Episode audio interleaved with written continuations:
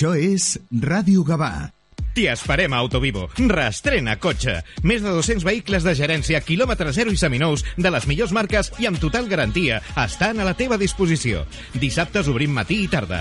Vine a veure'ns a la carretera Santa Creu de Calafell 95 a Sant Boi de Llobregat. Autovivo.es. Això és Ràdio Gavà. Isn't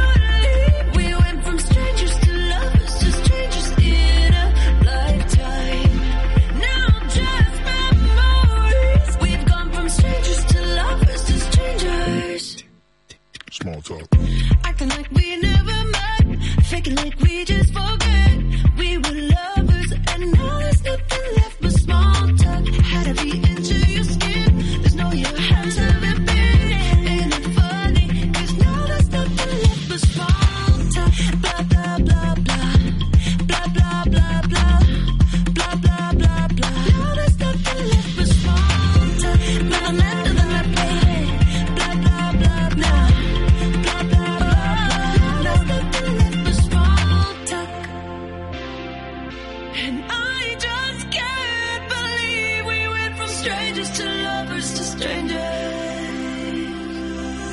Acting like we never met, faking like we just forget we were lovers and now.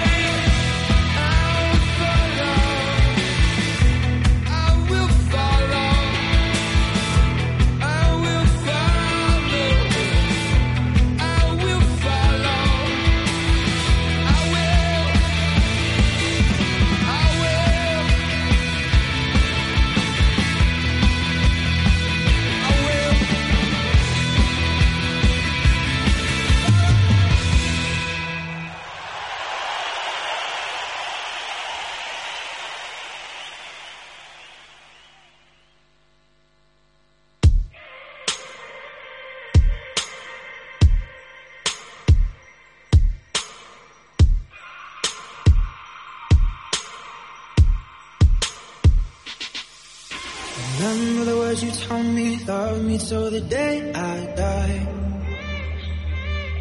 Surrender my everything cause you made me believe you're mine. Yeah, you used to call me baby, now you're calling me by name. Takes one to know one, yeah, you beat me at my own damn game.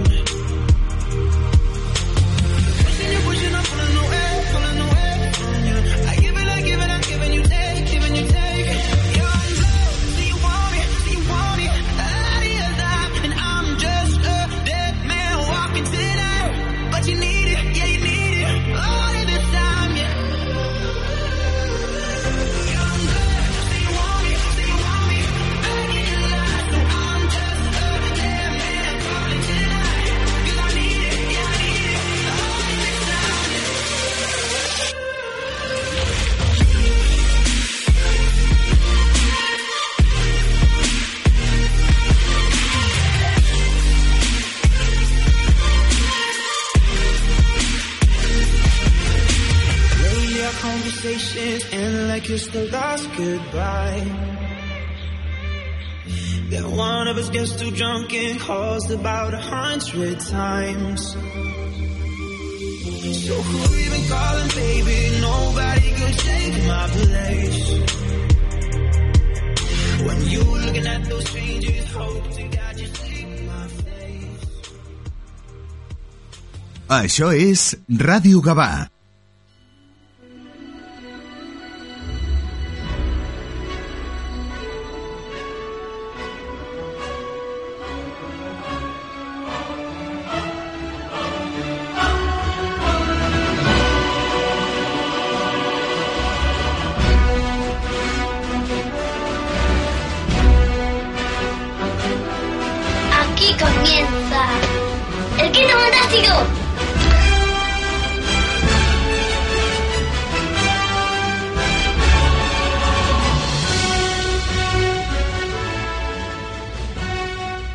8 de, la ma 8 de la mañana y 15 minutos. Muy buenos días y bienvenidos a una nueva edición del Quinto Fantástico, episodio 12 de la séptima temporada.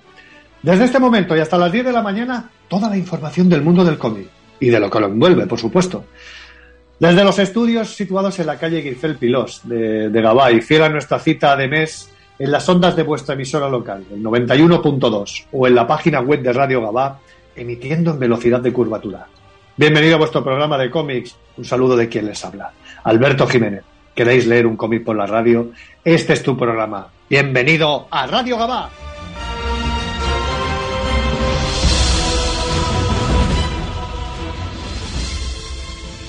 Nuestras vías de contacto. Si queréis poneros en contacto, establecer relación con nosotros, correo electrónico noveno65 arroba hotmail.com, en Twitter arroba el quinto fantástico, también en Twitter nos podéis encontrar en Amye Gabá y en Radio Gabá, que nos retuitean y nos informan, de- informan del programa, para tener sobre todo las últimas noticias comiqueras y compartir información de otros amigos y programas que nos unen la misma pasión, el cómic. Estamos en Facebook. Si queréis entrar y buscar por Alberto Jiménez, tendréis ahí fotos, programas y una versión algo más en- extensa en nuestra historia de las diferentes noticias, sobre todo, que van apareciendo. En definitiva, actualidad comiquera. Eh, el teléfono, el teléfono de la emisora sigue siendo, de momento sigue siendo el mismo. No tenemos, no, no, no nos no lo han cambiado. 936620080. 936620080. También os podéis descargar la app del pro- de, de la radio, eh, la, de Radio Gabá, totalmente gratuita, en la misma página de Radio Gabá, o escucharlo en redifusión durante el fin de, sega- de semana. Seguimos también estando en Ivo, donde nos podéis encontrar, en Amye de Gabá, el Quinto Fantástico. Allí podéis tener todos los programas de esta temporada y de las anteriores. Y de momento seguimos emitiendo vía Zoom, vía telefónica, iremos intercambiando, ya os digo, según las posibilidades de nuestros invitados. Disculpad, siempre os pido disculpas si nos pisamos, si hablamos uno encima de otro. Tenemos que hacerlo así de momento e intentamos que salga de la mejor, de la mejor forma posible. Y cómo no, dar la bienvenida a quien nos coordina en todas las operaciones. Capitán en el puente, doña Maite, muy buenos días. Let's do it.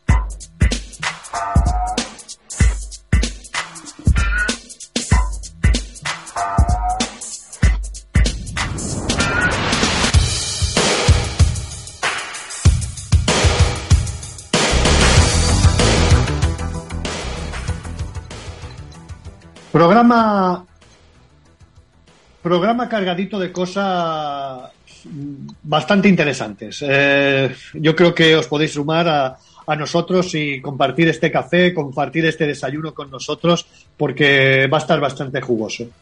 En primer lugar, daremos las nominaciones del Salón del Cómic de Barcelona. Tras la suspensión del año pasado por tema, por el tema de la pandemia del COVID, este año tendremos nominaciones conjuntas, es decir, del 2019 y desde, de- del 2020.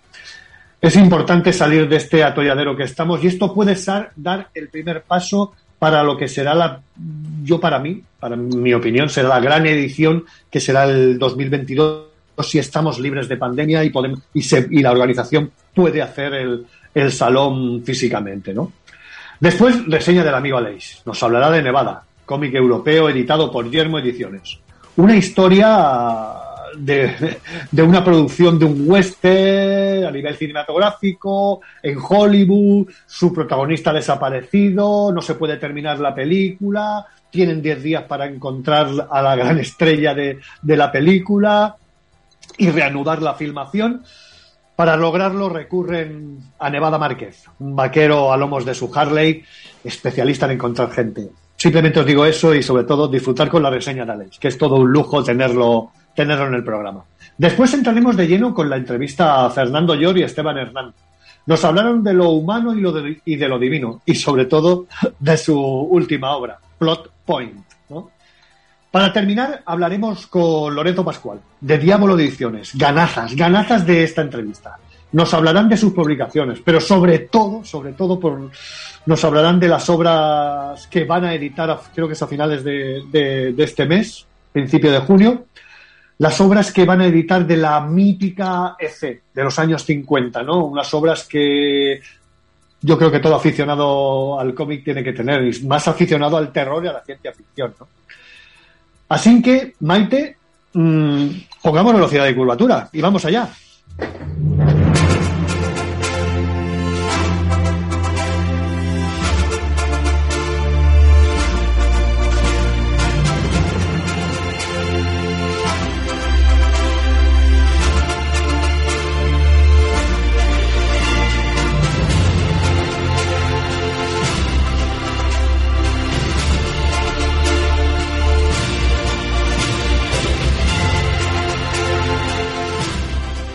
Bueno, pues, pues vamos a informar de primero sobre todo de, de los eventos y de los días que van a ser el Salón del Cómic de Barcelona. Gran idea, sobre todo, eh, que se celebre, que haya, que haya movimiento. Es importantísimo. Aunque sea online, aunque sea nominaciones eh, sin presencia física, pero creo que es importante que se sepa que estamos ahí, que el salón está ahí, ¿no? Eh, deciros que el evento se celebrará los días 28, 29 y 30 de mayo. Eh, con programación en directo durante ese fin de semana, todo en el canal de YouTube. Según nos vayan pasando información de las actividades, las iremos diciendo. Comenzando sobre todo el viernes con la entrega de premios.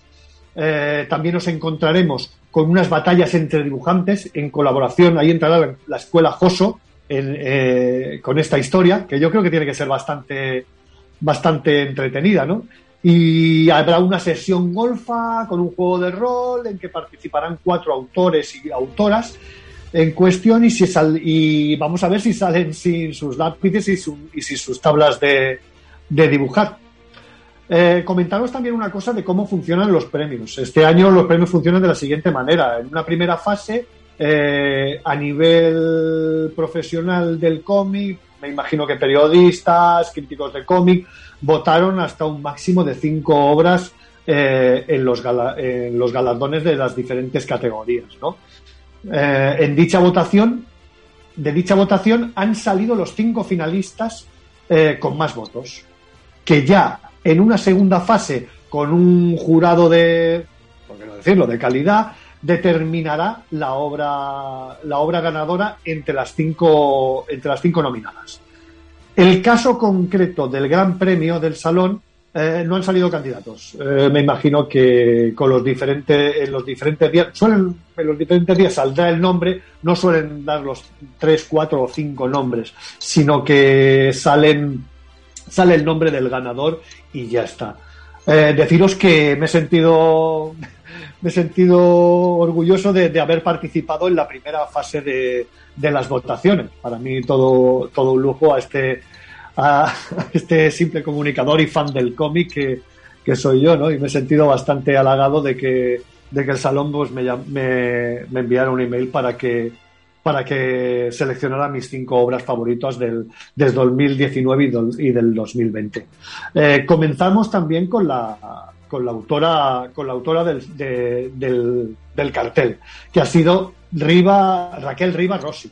Eh, nacida en el 90 en Igualada, se licenció en Bellas Artes de la Universidad de Barcelona y en la ilustración en la Escuela de la Dona de Barcelona. Tuvo muy claro desde pequeña que quería, ¿no? Transmitir mensajes a través de sus personajes e historias. Se Fijaros que en el ambiente creativo que se respiraba en su casa, ¿no? De pintores, dibujantes, arquitectos, ya que sus padres, Jaume Riva y de su madre, Clara Rossi, Clara Rossi, músico, y su padre, eh, un artista multidisciplinar, ¿no? Creció dibujando, contando, sin, sin que le pasaba el tiempo, contando como si viviera un musical sin pensar en lo alto que estaba la música, ¿no? Un la personaje de Lola, Lola Vendetta apareció entre sus manos en, el 2014, en un momento de cruce de ideas, de caminos, ¿no? de grandes preguntas existenciales, bajo la necesidad de expresar lo que la autora sentía hacia esas cosas de la sociedad y de que algunos individuos, como ella mismo dice, le tocaban los ovarios. ¿no? Desde ese momento y hasta hoy tenemos el resultado en libros, ¿no? Fijaros títulos como Lola Vendetta, Más vale Lola que mal acompañada, ¿Qué pacha, mamá? Eh, Lola Vendetta y los hombres, todos ellos editados por editorial Lumen, ¿no? Y ahora, Maite, vamos con las nominaciones.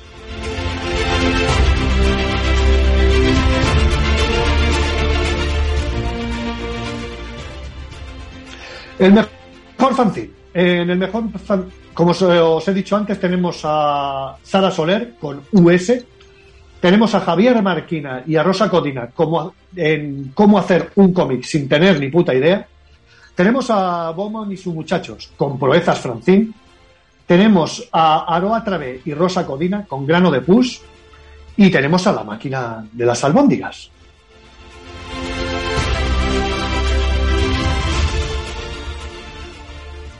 Como mejor cómic infantil y juvenil tenemos tenemos Viaja Shambhala de Grafito Edi- Editorial, varios artistas, una multitud de artistas. Tenemos Leyendas del Recreo, Campeones del Mundo, editado por, Emma, eh, por Anaya y creado por El Hematocrito y Albert Montaigne. Tenemos Lola Blue, La Caja, eh, editado por Van Ediciones de Lo- Lorenzo Montatore. Tenemos a Unshio, Martí Romero, editado por Asti Berry.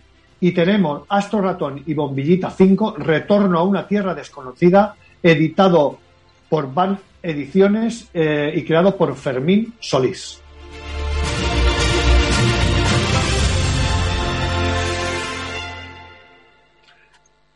Tenemos también a mejor autora, autor revelación, pero este año ha sido, ha sido increíble. Este año, permitidme que me pare un momento en, esta en estas nominaciones, porque son cinco autoras. Genial, yo creo que ha dado un golpe, un golpe de efecto, qué no decirlo, la mujer, ¿no? Y, y ya ha pegado un golpe de efecto en el cómic tremendo, ¿no? Fijaros que cinco nombres de autora revelación. Irene Márquez, Nadia Afit, Rosa Codina, Aroa Travé y Sara Soler. Genial, genial, genial eh, estas nominaciones.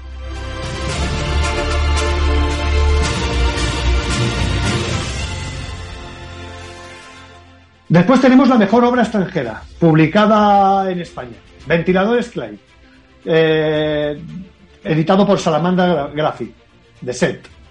La soledad del dibujante, eh, editada por Sapristi, Adrián, Tom. Un tributo a la tierra, Joe Saco, editada por Reservoirs Box. Eh, Sabrina, Nick Darnaso, editada por Salamandra Graphic. Eh, y Matadero 5, eh, de Albert Montaigne y Ray Arnott, editada por Astiberri.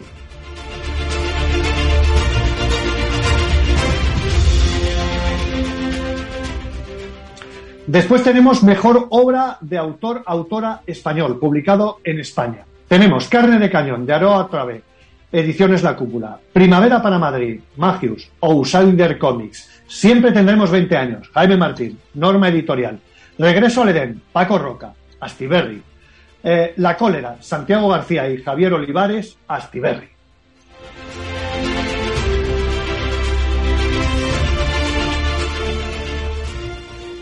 Eh, yo, de momento, pues tenemos esta información. En los próximos programas iremos dando y me imagino que habrá premiados y tal.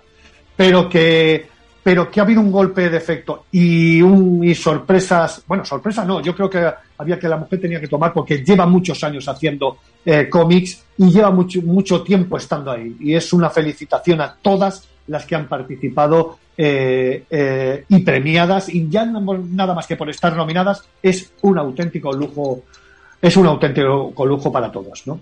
Y ahora nos vamos con la reseña del amigo Aleix. Ahí lo tenéis, Nevada.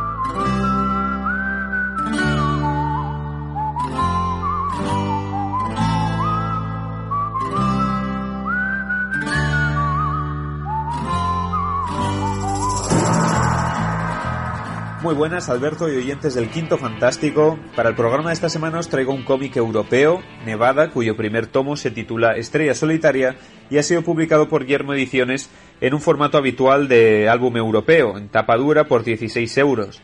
En Francia está siendo publicado por Delcourt, es una serie abierta que lleva dos tomos en el país galo y aquí de momento solo se ha publicado el primero y esperemos que no se demore demasiado la publicación del segundo. Es un cómic escrito por Jean-Pierre Pecot y Fred Duval, una pareja de escritores que siempre trabaja junta. eh, por ejemplo, en cómics como la popular Wonderball, publicada por Norma Editorial, El Príncipe de las Tinieblas o el western La Horda del Oro. Al dibujo tenemos a Colin Wilson, un autor neozelandés que ha trabajado en la industria del cómic estadounidense, por ejemplo, en los cómics de Star Wars de la época de Dark Horse o en Point Black junto a Ed Brubaker, la miniserie que servía de precuela para la magnífica Sleeper pero también se ha prodigado bastante en, en la BD, en la banda de cine, en multitud de westerns como el archiconocido Blueberry. Además, ya había trabajado con Pecot y Duval en la citada Wonderball, entre otras. Nevada es un western moderno, aunque esté más cerca de los tiempos del salvaje oeste que de nuestros días. Se ubica en la década de 1920, en los tiempos de la prohibición, antes del crack del 29, por lo tanto hablamos de los años de prosperidad económica. La historia nos transporta hasta California, la edad dorada de Hollywood, al mundo del cine, suponemos que a finales de la época del cine mudo y principios del sonoro, al sistema de estudios y de estrellas, a los sueños delante de las cámaras y las pesadillas detrás de las mismas, la historia oscura, la realidad escondida en el glamour.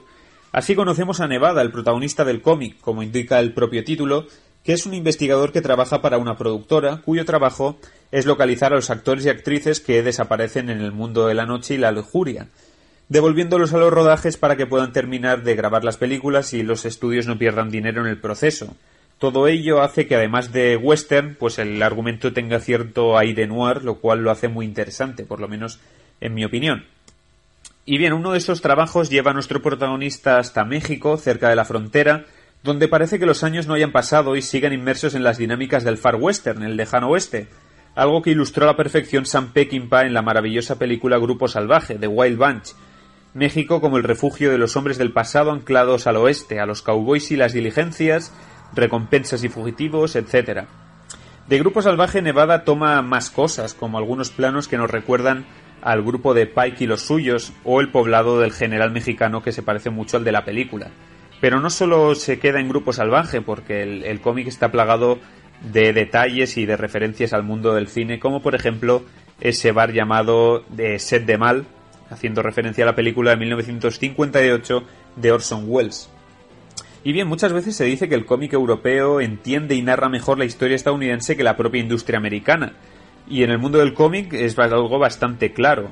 Parece que la BD está más interesada en ese pasado y en las leyendas del país de las libertades que el propio Estados Unidos. Porque si miramos las centenares de novedades que se publican en Estados Unidos mensualmente, encontraremos pocos o ningún western y, o historias eh, pertenecientes a, ese pasado. Mientras que en el cómic europeo, el cómic franco-belga, con un volumen bastante menor de novedades, veremos bastantes obras, en especial de lo que es eh, western o género negro, ucronías eh, relacionadas con Estados Unidos o algunas leyendas de la historia yankee. En el apartado visual, eh, pues podemos decir que es un trabajo impecable. Wilson plasma a la perfección el glamour de las fiestas angelinas, así como el ambiente de los rodajes, pero donde deslumbra es en la parte del oeste, recuperando los paisajes de Monument Valley al más puro estilo John Ford y transportándonos hasta ese de- desierto mexicano. A todo ello colabora especialmente el color de Fernández, que capta muy bien los tonos crepusculares de los, de los atardeceres del western, algo tan típico de- del cine de la época. Y en definitiva es un cómic muy disfrutable, en especial para los amantes del cine y del western, que no rompe esquemas, pero que cuenta con una historia muy cuidada y, bien medida, y además creo que es una buena manera de aproximarse al cómic europeo si no estáis acostumbrados a sus dinámicas clásicas, como es mi caso, pues muchas veces lo percibimos como algo muy barroco o muy tradicional, y en este caso creo que es una buena manera de entrar a ello, una historia bastante ligera y entretenida. Y bien, espero que os haya gustado la recomendación y que si lo leéis lo disfrutéis tanto como yo. Eso es todo, espero que os guste y nos vemos en la próxima.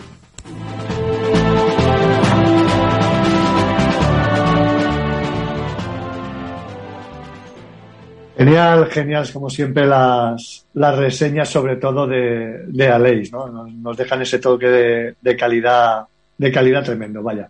Bueno, pues eh, y nos vamos ahora con la entrevista a Fernando Llor y Esteban Hernández, ¿no? Que nos hablaron, no, no han podido entrar hoy. eh, Estamos en un periodo de vacunas, ¿no? Y Fernando tenía que llevar a, a su madre también a, a vacunar. Esteban tenía compromisos, en fin.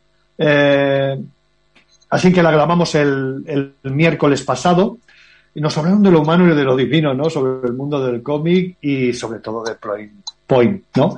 Así que vamos a ella.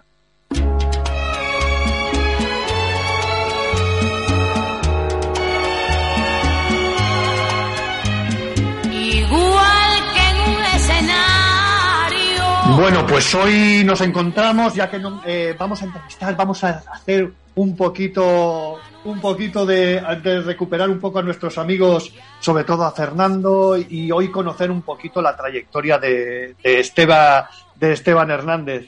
Fernando Esteban, muy, buen, muy buenos días y bienvenidos nuevamente al Quinto Fantástico de Radio Gabá. Buenos Eh, días, buenos días, Alberto. Alberto. Por la mañana, ¿qué tal? Nos Bueno, salido- ¿qué tal? ¿Cómo a la vez? Sí, bueno, es igual. Este es el problema de- del Zoom y de no poder estar en el estudio, que, que quieras que no haya ahí un poquito más de, de coordinación y demás. Pero bueno, ¿qué vamos a hacer? Esto va así. Bueno, eh, Fernando, ¿cómo es? ¿Cómo, cómo va? ¿Cómo va? Está- Hablamos de, estuvimos hablando de subnormal y ahora, bueno, parece que la cosa lo pintábamos ahí un poquito chungo, tal y cual, pero parece que la cosa se va moviendo. Fíjate, el Salón de Cómic de Barcelona estamos, no va a haber, no va a haber edición, pero va a haber votaciones, va a haber premios y tal. ¿Crees que la cosa ya se está moviendo un poquito, no? Sí, bueno, se está moviendo. De hecho, en, en los últimos días estamos viendo que hay un montón de salones que se han puesto de acuerdo para hacerse todos en septiembre, ¿no?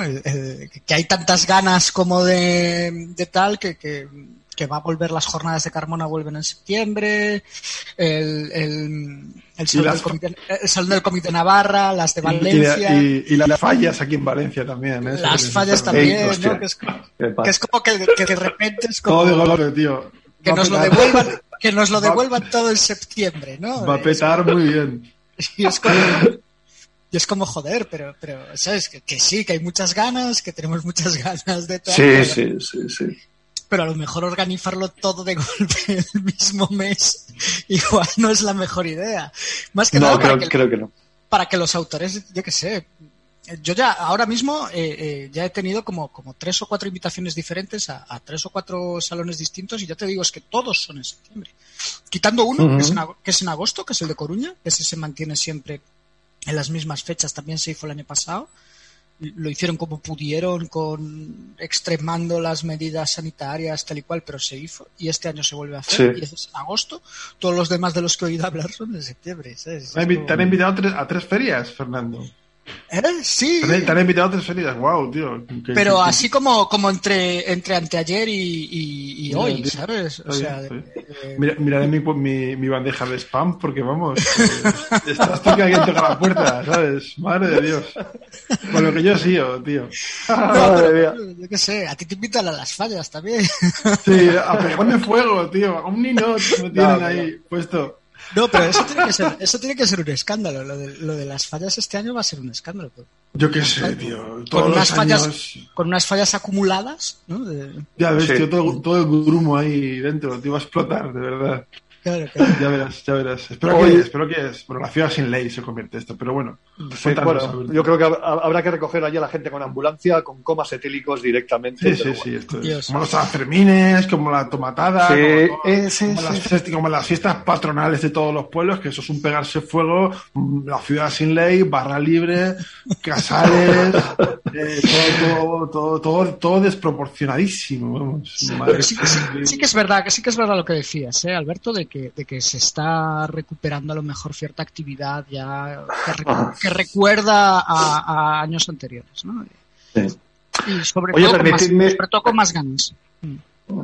Permitidme hacer una pequeña, ya que esta es la primera vez que está Esteban Hernández aquí en el Quinto Fantástico, nacido en Ciudad Real en el 79, licenciado en Bellas Artes y demás, pero a mí lo que, mm, yo Esteban, lo que me hacen, bueno, ya te, te tenía conocido y demás, había oído hablar de ti y tal, pero yo es que soy un enamorado de los fanzines. Yo siempre digo que el fanzine tiene que estar en un puesto, en un puesto honorífico siempre en todos los salones, ¿no? Y bueno, lo ganaste en el 2012, creo recordar, en Barcelona, ¿no? Pues sí, año arriba, año abajo, no, no, no retengo las fechas, Alberto. con, con una cosita y sobre todo en lo que he visto y que te he leído es que sigues, quieres estar ahí todavía con el fanzine, con usted, quieres seguir y quieres seguir muchos años, ¿no? Sí, bueno, eh, esto es un poco, voy un poco veleta también, ¿eh? Según, se- partiendo de la base, Alberto, de que autoeditar es deficitario y autoedita quien tiene dinero para hacerlo, porque no hay rédito, por mucho que se plantee como alternativa a la, la- distribución y a toda esta vaina, eh, edita quien puede, no quien quiere. Y te digo que voy plan, plan veleta porque, porque, porque a día de hoy, pues, me veo con un poquito de ahorro y puedo sacar un número. Eh, y si me veo con mucha pasta, pues te digo que, me, inmolo haciendo.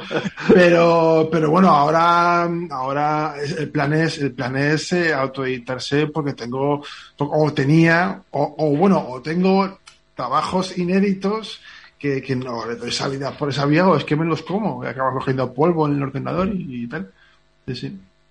Muy bien, muy bien.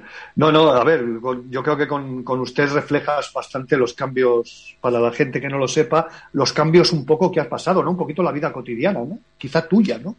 Sí, bueno, a ver, yo con eso tengo un poco de bronca, Alberto, porque estoy un poco frito de que cuando hago, no solo, no solo el usted, sino mis tebeos, me dicen, bueno, sí, tío, tus cosas y tal, tu- tus vivencias, tu... Pero es que, joder, yo no sé si es cosa mía o... Que, que ya te digo, te, te adelanto que no, pero es que la gente selecciona muy poco lo que lee porque, bueno, sabes que Cortázar tenía este fraseo de que todos los hombres, el hombre, ¿no? Cuando uno cuenta la experiencia muy a lo hondo del sí mismo eh, y, y- y- y bucea en ello y lo, y, lo, y, lo, y lo expresa con claridad, es que es muy complicado no empatar, ¿no?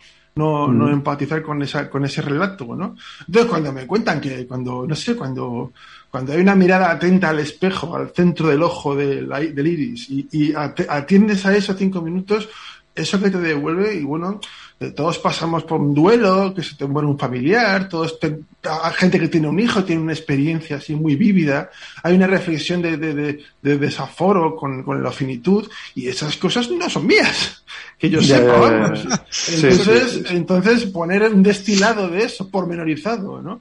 Atendiendo a la, a, la, a, la, a la- a la sorpresa y al asombro que es que, yo que sé, que amanezca, ¿sabes? Simplemente. Y te pone, y, y entras un poco en un ámbito místico que es que ya te cae la, te cae la, la, la torquemada, ¿no? Te cae toda la gente diciendo que, con, con el prejuicio de que tú estás hablando de, de unas cosas que no son materialismo, ¿no? Que no es el dinero, que no es los derechos, eh, los contratos eh, eh, profesionales editoriales y una serie de cuestiones que, que a mí me dejan completamente fuera con un reducto de, de, de- lectores que, que me siguen y que, y que, y que so- podría considerar mis amigos y mi familia y, mi, y esa hermandad, o sea, fratela, sor- sororidad, sor, fra- fraile, que yo considero una comunidad de gente que, que además tengo en común con mi propia biblioteca, ¿no? Porque seleccionando a esos autores me doy cuenta de que, yo qué sé, pues que les a, a Wittgenstein y te dices, hostia, tío, le dices, patata, tío, tú y yo, yo, o sea, me siento bienvenido en, en tu entorno, ¿sabes? De alguna Sí, manera. sí, sí. Sí, sí. Oye, Fernando, el otro día estuvimos hablando con Roberto Corroto y con el Tito Montana. Nos han dado, nos dieron una premicia, sobre todo Roberto, que se va a editar en tapa dura el Sicarios, con prólogo tuyo. Con prólogo tuyo. Yo Eh, creo que es una. Dime, dime. Sí, sí, no, me lo pidió, me lo pidió Roberto y Ertito, me lo pidieron hace, hace unas semanas. Y yo encantado, yo encantado. Eh, os lo estaba contando antes, eh, off the record, ¿no? An- un poquito antes de grabar. Eh, yo tuve una muy breve experiencia currando en una editorial de, de unos meses. Bueno, breve porque luego se fue al carajo la editorial.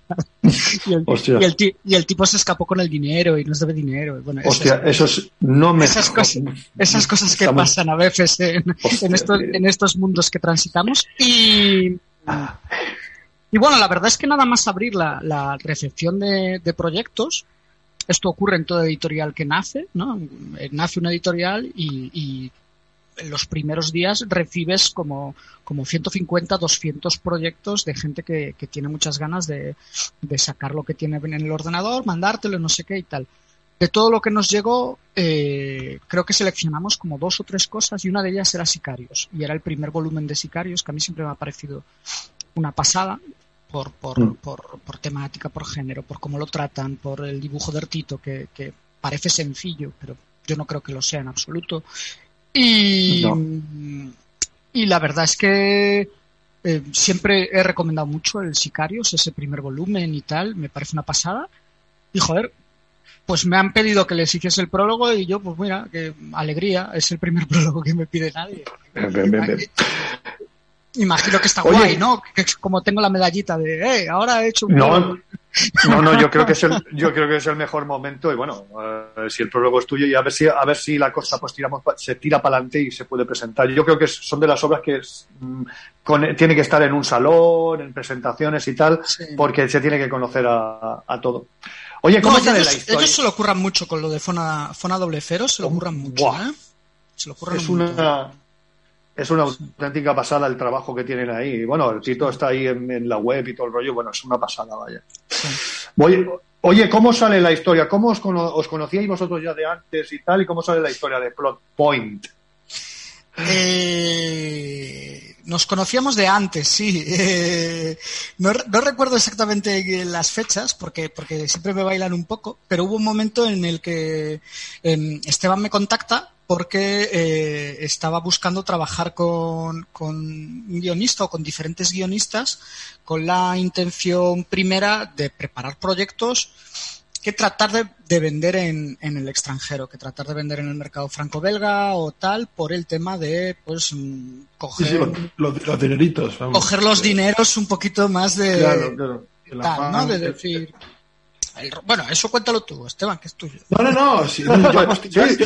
déjame, Tira, déjame, tira. porque tienes tú más retórica y, lo explicas mucho mejor. La previa a que yo contactara con Fernando Sí. era que tenía tres libros, que yo, yo más o menos medio lo he, lo he indicado antes, tres libros y, y- y si no tenía editor, tres libros acabados. Entonces estaba, estaba en una especie de callejón sin salida en el que producía, producía y, y ni en España me querían publicar. Además estuve en contacto y en trato con un agente francés em, que, que salió, que salió, que salió mal. También estuve en contacto con Casterman para mis tebeos, ¿no?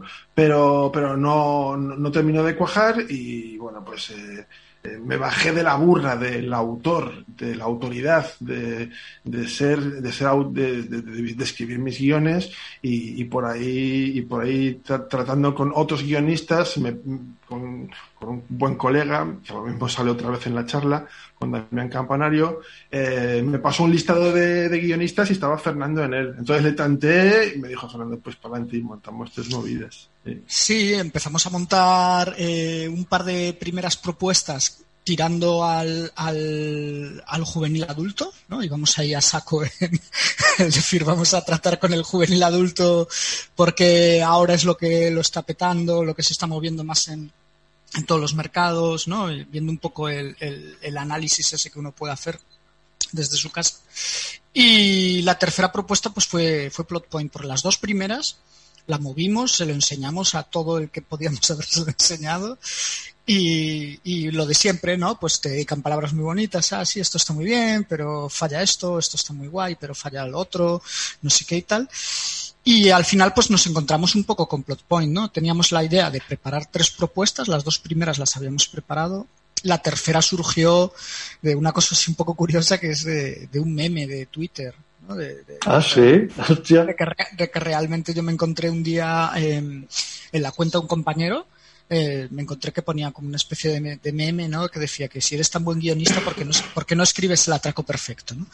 Eh, y a mí me hizo, me hizo, me hizo gracia en un primer momento y, y con el rollo de darle, de estar pensando unos días, eh, pues se me ocurrió el tema este de, de, por qué no secuestrar a una guionista para que te, para que te diseñe un atraco perfecto, ¿no? Y ahí empezamos a, a mover un poco el carburador de, de, las ideas hasta que sale la premisa completa de, de Plot Point y sale la historia esta, ¿no? Eh, Esteban, eh, cuando te pasa el guion y demás, eh, el dibujo a ver, sabemos que es una historia un poco una comedia y demás, pero mmm, para sobresaltar todos los, todos los movimientos, hacerlo más cara, más no me sale la palabra, de más caricatura, eh, yo creo que es, es, muy difícil, ¿no? Sí, muy, es fácil escribir el chiste, bueno, fácil, entre comillas, escribir el chiste, pero después plasmarlo en una viñeta para que el lector eh, eh, se dé cuenta, ¿no? Yo creo que has hecho muy bien en resaltar los movimientos, muy caricaturesco, vaya. Y no es trabajo mío solo, porque toda la diagramación de la página y, el, y, el, y, lo cerca o lo alejado que estaba el plano, incluso algunas indicaciones de acting estaban trabajadas por Fernando, porque el, hambre, el hambre que yo tenía era dedicarme al dibujo. O sea, el fraseo que teníamos Fernando y yo es me quiero dedicar de la viñeta hacia adentro, no de la página hacia adentro. No quiero hacer el trabajo intelectual de, de diseño y tal, de, de, de completo, ¿no? Eh, ni mucho menos de guion, y por ahí que tirar de, Fernando en origen. Pero, pero ya adentro de la página, pues hay, un, hay una cosa muy insistida en el TVO que son las estelas, las estelas de, de movimiento que, que, que, que, subrayan mucho este acting, este acting de, de, de pues impostado de, primero de arte dramático del más chusco, ¿no? Que, siendo una historia de actores, eh, así como en, no engolada, pero bueno, me entiendes, ¿no? Lo, tú lo has leído y, y, sí, sí. y en el TVO se nota que hay una especie de, de pues eso, de, de, despro de, desproporción a lo mejor, ¿no? De, de fliparse con... Sí, precisamente, cositas con así el drama, ¿no? Bueno, es una, es una pena que el lector no puede, el oyente no pueda, pero bueno, yo se lo emplazo para que para que lo lean porque vamos, es que lo tiene, lo tiene hay, todo. Hay una, hay una, hay una rocambole. ¿Os acordáis como, como los Power Rangers cuando hacían el, el acto de guerra que hacían unos pavientos súper exagerados? Pues ese era un poco el juego, pero para contar nada, para desconvencer a la otra persona de que, de, de que mi idea es no es una puta locura en el sentido de, en el caso de los, de los, de, bueno, de, de los personajes, de los actores protagonistas. ¿Te has basado, te has basado, has cogido, has tenido algún en algún actor o presentador de televisión o algo en la cabeza para decir, hostia, voy a, voy a reflejar a, a este tipo no, o esta no, tipa no, aquí? No, tenía muy, tenía y tengo con mucho, en mucho, en mucha estima eh, a Han, porque me gustaba mucho de Han, eh, ¿sabes esta cosa de que si, si paras en la viñeta de Han en, el, en, una sola viñeta y ves todas las estelas que está dibujando, puedes reproducir el movimiento que hace el personaje y tiene sentido orgánico, o sea, tiene sentido eh, eh, fisiológico, o sea, que fisiológico no, eh, anatómico, anatómico quiero decir. Y, sí. y, es, y es muy guay y, y, tenía mucho, mucho, mucho esa, esa referencia, ¿no? Esa cosa. Eh, Fernando, mmm, después de todo lo que has venido de tus obras, eh, La Confesión, Subnormal, tal, te ha resultado difícil cambiar el chip y decir, hostia, me voy a pasar ahora, me voy a pasar un poquito, voy a, voy a pasarme, voy a divertirme, ¿no? Bueno, no sé si se- sería esa tu, tu, tu, tu idea, vaya. Eh, mm, mm, yo me he divertido mucho haciendo plot point, ¿vale? Eh, Sí. Eh, pero sí que es verdad que el, el hecho de abordar una, una comedia o plantearme en sí una obra entera como con, con el- la vitola esa de género de comedia, ¿no? De decir, bueno, pues esto quiero que haga reír o quiero que por lo menos haga sonreír al, al lector, eh, me suponía un reto porque no es algo que haya hecho nunca. ¿no? O sea, sí que he sido mucho de meter el chascarrillo en, en determinados diálogos, en determinadas obras, ¿no? O en determinados personajes. En la confesión, pues hay personajes que, que a pesar de estar viviendo una movida súper loca y tal, pues te sueltan un momento de, de chascarrillo, una frase más irónica, o un momento más sarcástico, o tal, ¿no? Pero aquí había que estar jugando un poco a, la comedia todo el tiempo, ¿no? A la comedia todo el álbum completo. Y eso me costaba porque creo que el humor al final es algo muy particular de cada uno. ¿no? Todos tenemos un humor más diferenciado y cuesta a lo mejor abrir las puertas del humor de cada uno. ¿no? Hay a quien le gusta el, humor más blanco de, de sitcom de toda la vida, hay a quien le gusta el humor más burro, hay a quien le gusta el rollo más chusco o, más tal.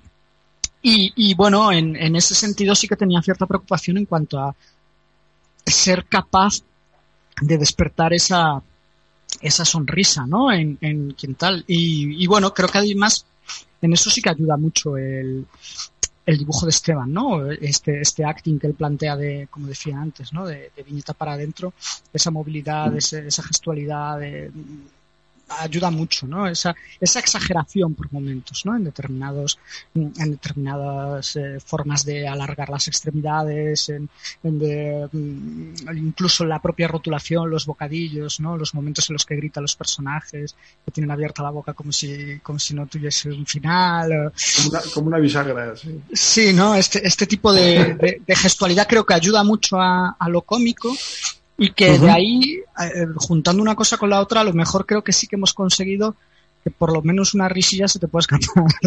Pero Sí. sí, A ver, yo me lo he pasado muy divertido y sobre todo tanto por el tema de guion como tanto por el tema de dibujo. El dibujo creo que le pega, vamos, mm, al 100% y sobre todo hay, eh, cuando hay según qué página, por ejemplo, la página 54 y 55, digo, hostia, claro, y te preguntas, hostia, mm, cuando llegan aquí, digo, me, gusta, me hubiera gustado ver la cara de Esteban, ¿no? Por, eh, lo que es la dificultad de, de la página 54-55 es cuando llegan allí que están en la casa y tal y que Ah. para eh, y ven todas las fotografías y demás de todo de, to- de todo de todos lo- los personajes políticos sí. y, y con y con las escenas comprometidas eh, yo me gustaría Esteban cómo te planteas hacer es- esta historia la historia esta de, de las escenas comprometidas no así entre comillas Eh, eh, de nuevo, la- lo que es la, la diagramación, esta cosa que es espe- especular, ¿no? Que especular en el sentido que es eh, simétrica, la doble página, es, es idea de Fernando. Y. y- y- Pero, por y- ejemplo, aparecer, aparecer. Sí, sí, sí, sí. Bueno, sí, bueno, sí, no, no voy a decir nombre, no voy a decir sí, que no entendí, entendí, entendí, entendí No, la pregunta. Y, y de No, hecho, no. de hecho la, la idea era escaquearse de- del compromiso de, de- de meterte en hasta el cuello de barro, ¿sabes? Porque, porque Me está, claro, me está llam- me- me está llamando la audiencia nacional, un momento, venga. Claro, es que aparte que yo al, al título personal considero que se puede, que hay que ser inteligente, hombre, que, que, que no hay que ir a hacer el kamikaze por ahí, hombre, que se puede hacer las cosas eh, mucho, mucho mejor y te quedas más, incluso más a gusto, ¿no? Eh, y aparte que quien quiere entender, entiende. Que es que tampoco hay que poner, Claro. hay que hacer un hiperreal del personaje más fétido de la, de la, de la escena política o, o- o empresarial española para, para, para que sepas que hablas de, una, de, un, de un arquetipo, ¿no? de, una- de un, de un modelo de, de vida, de una ética, de, una- de unas maneras de hacer y de ser que, que no chanan, ¿no? Que no chanan ni un poco, ¿no? Tampoco hace falta "Eh, ese tío con ese nombre y ese DNI, es que te, te- hombre, que- No, no, no, no, no, no, no, no, pero son, son ganas de audiencia, ¿eh? sí. en el fondo, yo creo que en el fondo, en el tema, eh, los, bueno, los que nos gusta el cómic, los que hacéis cómic, los que dibujáis cómic, yo creo que, que con, poca, con, palab- con pocas palabras y, que, y con pocos dibujos nos damos cuenta de decir, ostras, aquí la han metido doblada y qué grandes, y qué grandes son, ¿no? Y yo he disfrutado mucho. ocurre, ocurre, Alberto, también que, que, que, claro, el plan que teníamos eh, y tenemos, eh, Fernando y yo, es colarlo fuera. Entonces, eh, hay, hay que entender que si haces una cosa muy local, pues es más complicado que, que, lo, que, le interese a- o que lo, que no re- entiendo que si no reconoces, si reconoces a la- al personaje, pues claro, pues como que hay una especie de simpatía, una especie de, de, de, de- entiendes mejor, ¿no? Pero, pero claro, eh, pensando en, en, en- en lo internacional, pues queríamos sacar un poco la, la cosa esta de, no sé, pones a un tío con un sombrero de copa, una chaqueta, un, un smoking de esto, ¿sabes? Un, un puro, ¿sabes? Sí. Oye, ¿cómo- tú. Sí, yo qué sé. No, Sí, sí, no, sí, oye, no, no, estoy de acuerdo, estoy de acuerdo. Oye, ¿cómo, cómo se te ocurre la idea de, de, sobre todo, dar... A ver, yo creo que es más un poco, eh, siendo tú eh, guionista y tal, ¿no? ¿Cómo se os ocurre la idea de decir, "Hostia, me voy a poner de protagonista? Bueno, y lo has comentado antes con, eh, con la historia esta de Twitter, ¿no? Pero Mm.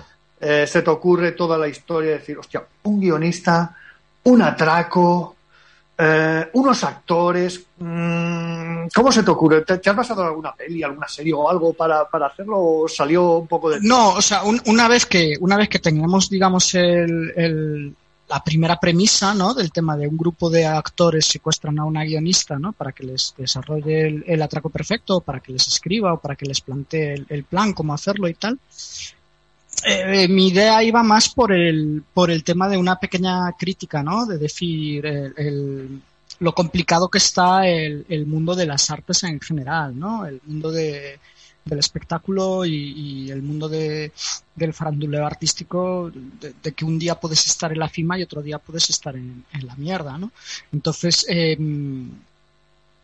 eso para mí eh, creo que habla mucho de lo que es la, la, la sociedad española en cuanto a cómo tratamos nosotros a nuestra cultura, cómo tratamos nuestras industrias culturales, a nuestros trabajadores culturales y demás, ¿no? Que rápidamente encumbramos cualquier cosa de un día para otro y al día siguiente nos olvidamos, nos olvidamos de que esa gente pues, pues tiene que comer y que, y que ha pasado de comer mortadela de primera a comer mortadela de cuarto o de quinta, ¿no?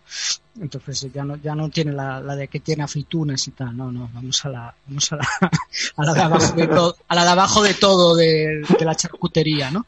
Eh, y eso al final creo que era una forma de, de, tratarlo con, con, con, cierto humor, con cierta comedia, ¿no? Pero que creo que sobrevuela al final todo, todo el, todo el tebeo.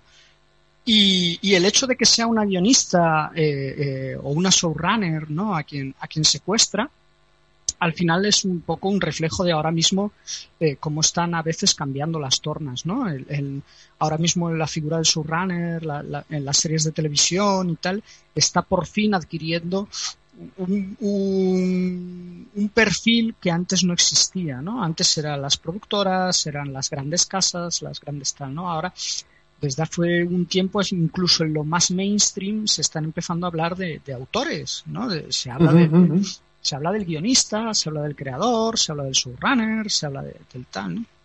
Y eso hace que incluso los productos más peloteros o más palomiteros o tal, la gente vea una marca de autor. Y eso, bueno, pues también es una señal de que, de que hay cosas que pueden cambiar o que hay cosas que pueden, que pueden modificarse, ¿no? Y al final, pues un poco el, el, villano en la historia no es un tipo que simplemente es el más rico del mundo, pero sí que es el que más información tiene, ¿no? Y, y eso también es un, una especie de, pues, de receta por ahí, ¿no? De decir, ostras, eh, al final quien te puede dominar es quien conoce tus secretos, ¿no? Es un poco este, este juego. Sí, es lo que comentas, sobre todo hay un momento que no es el que tiene más dinero, sino que es el que tiene más información y el, es el que tiene mm. más situaciones comprometidas de, de, de personajes importantes. No, no claro, ¿y cómo, utiliza, ¿y cómo, se utiliza, esta información? Eh? Pero que es algo que vemos todos los días en las noticias, el rollo de, de las cloacas, el rollo de de repente sacamos de... de me acuerdo de Cristina Cifuentes, que al final... No, pero quiero decir que al final tuvo que dimitir sí. por, por, por robar dos cremas en Meroski. Es decir, que alguien tenía Esa un vídeo de esta tía robando cremas Meroski. Hay, hay una, hay una lógica, hay una lógica, hay una lógica que no sé hasta, hasta, hasta dónde está fuera de, de la- de esta premisa, que es un poco esta, esta, esta, esta- esta- este volcar fotos nuestras en, en redes sociales, ¿no? Uno entra en redes sociales, en, en- porque es una empresa también, o sea, es un, es un- quiero decir, Sí. eh, uno, yo, me- yo empecé en redes a, a partir de una edad, pero yo a mis 15 años tenía una cara y una actitud de darme muchas collejas. Si esas fotos estuvieran en una especie de hemeroteca de una red social, eh, claro, eh, ¿cómo, ¿en qué punto te atreves a citar a Nietzsche cuando has estado bebiendo, tirado en la puta calle borracho, ¿no? Eh, o sea, por esa cosa de, de la credibilidad, ¿no? Y digo Nietzsche o, o ser policía o, o, una- o un cargo político o un jefe, ¿no? Eh, eh, y y, eh, creo que ese, esa figura de que, de que maneja la información es un, es- tiene, tiene esta máscara, o sea, de- hay una máscara, o sea, es el equivalente a una red social, a, a ese, a, esa- a ese, a ese contrato que firmas, ¿no? Cuando aceptas Claro, ¿no? Y que lo que puede salir de repente un día, ¿no? Un día de repente sale un vídeo de, de, de que estabas haciendo tal cosa o que estabas haciendo tal otra y que tú no Claro, la- existía eso, ¿no? Claro, solo en, la, solo en el puro pasar los años, ¿no? Te ves Mm. con cu- 50, 60, 70 años y, y ves este vídeo, o esta- este, este clip de, de radio y, te, y claro, dices, hostia, yo con esto no estoy de acuerdo de una manera natural, ¿no? Porque de una forma lógica y orgánica vas cambiando Claro. y puedes dar volantazos, ¿no? Estás en tu pleno derecho. Pero hay como un compromiso a ser quien eras, eh, porque tienes una hemeroteca de, de- de todo lo que vas haciendo, si no las fotos, los vídeos o, o- ¿no? Este, esta cosa de que no de la gente que escribe o tiene una cara al público como Fernando por escribir o, o tú por la radio o Alberto o, o en mi caso por dibujar, sino gente que, gente, gente que, que tiene que, que no tiene que, se ve un poco en la obligación de, de ser consecuente al extremo, ¿no? O sea, la locura, ¿no? Y por ahí el fiscal, ¿no? Por ahí el fiscal del protagonista que dice, no, no, usted, yo tengo información Mm. de que usted... Otra cosa es que te conduzcas como un energúmeno y en vez de colgar fotos de tus vacaciones, hagas el, hagas lo que hacen los personajes fiscalizados en el TVO, ¿no? Que es como, bueno, hay, hay grados, ¿no? Pero bueno, Claro. pues, la- el- Eh, me gustaría saber también tu opinión. eh. Según ibas avanzando en el cómic, dibujándolo y tal, ¿te da la impresión de que, de que España, eh, bueno, aquí a nivel nacional, todo, todo vale con tal de, de, de hacerse importante, ¿no? Lo que hablaba antes Fernando, ¿no? No, hay unos valores, no hay unos criterios. Decir, que por cierto, el cómic al final nos deja una historia, eh, nos deja una conclusión bastante, bastante maja, ¿no? ¿Te, te, te da la impresión de que nos convertimos un poco en Españistán, ¿no? Hostia, es que me estás pidiendo una opinión de una escala que flipas, ¿sabes? Es que no tengo, no tengo, no tengo herramientas, ¿sabes? Yo lo que suelo hacer, como suelo explicar estas cosas, a, a- lo que hago es bajarle el rasero, ¿no? Y, y Pues entiendo bájalo, que los- bájalo. eh, que digo, no, me, me explico, no me refiero a, hacer moral, sino, sino que si entiendo mi entorno próximo y, eh, y soy capaz de calcular eh, eh, de, lo, de, lo, de lo particular a lo general, ¿no? Puedo hacer como ya después de 40, te- teniendo 40 años y, y pasando y pasando por, por, o sea, desde la familia, ¿no? Que, o sea, entiéndeme, eh, eh, es que considero que eh, hay como mm, actitudes y asuntos que son extemporáneos, que no son contemporáneos. Y, y no son condición española, aparte de las diferencias de cultura. Creo que hay una cosa atávica, eh, endémica, hay una con- constitución humana que, que- que- de la que podría hablar, que es de la que un poco hablan, hablan los tebeos que, que- que hago, so- eh, ofreciendo una ayuda, una especie de refuerzo, una especie de tal, eh, pero que, pero que, que no tiene, que si me pongo a hablar de eso me voy a la mierda de la pregunta que me haces, ¿sabes? No, pero a ver, en definitiva es un poco de decir que si todo vale. A ver, yo creo que, que, bueno, tanto Fernando como tú nos dais una. Porque, a ver, ocurre algo, al fin, no quiero hacer ningún spoiler ni nada, ¿no? Eh, de que parece que todo en esta sociedad, pues, eh, sea por dinero y por influencias, ¿no? Y los protagonistas tienen que tomar una decisión, ¿no? Eh, yo creo que ahí Fernando y tú nos dais una, una lección de que no todo vale en esta vida. No, es que por eso no quiero, no quiero decir ningún spoiler ni nada, eh, de que no todo vale en esta vida de por dinero, por influencias y tal, ¿no? Que a veces Creo- eh, los sentimientos te, te- te predominan, ¿no? Creo, Alberto, que Fernando es tanto mucho más politizado que yo, eh, teniendo esa cosa de guerrilla eh, de- con el contexto. Sí, bueno, eh, legal, o sea, tú estás, te estás asociado, o sea, no. Sí, sí, te, te puede contestar. Digo en lo de ARG, en la asociación de guionistas y tal, que hasta la media. Sí, de bueno. todo él. O sea, que, que te cuente él, que él te tiene que responder a eso. Sí. Eh, Fernando, tú. No sé, no sé si, si realmente pretendíamos hacer un, un análisis como, como muy serio, como muy sesudo, ¿no? Creo que era, creo que era un poco partiendo de, de lo que decía antes Esteban, ¿no? De arquetipos ma- más, reconocibles o de, o de figuras a las que sí que podemos eh, poner cara en un sitio determinado o, o una careta en otro, ¿no? Em, yo no creo realmente que todo valga por dinero. y, y creo que hay que mantener y, cre- y creo y creo que hay que mantener eh, cierta integridad y cierto mensaje, ¿no? En, en, en cuanto a- al hecho de la creación artística, ¿no? De, de que uno puede ser artista, pero antes de artista es persona y, y- y siendo persona uno tiene que moverse por unos principios en, en su vida o Es que que luego los puede cambiar, ¿eh? Quiero decir que, que todas estas cosas a veces se van modificando y, y vas conociendo o, o te va decepcionando la vida o lo que sea y, puedes ir cambiando. Pero creo que sí que hay que mantener una serie de, de principios, ¿no? Que, el- que el todo vale, pues no debería ir mezclado en, en profesiones además en las que la mayoría de las veces ni te va a servir para ganarte la vida. O sea, ya, ya. o, Es que el o- com- o pan para hoy y hambre para mañana, ¿no? Ya.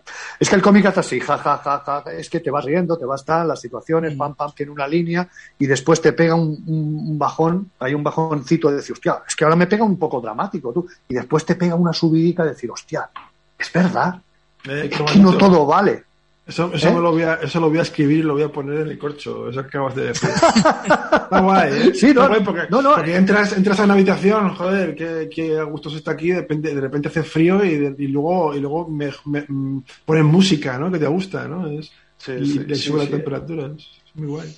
Es, eh, es genial. O por cierto, Fernando, oye, ¿cómo va el tema ARG? Estáis ahí a tope. Eh, es una pena que- porque hubiese sido muy Mm. bonito con alguna historia, con alguna charla en algún salón del cómic y tal. Hubiese sido el colofón. Vamos, si, si está Antonio Altarriba ya no te digo nada, ¿no?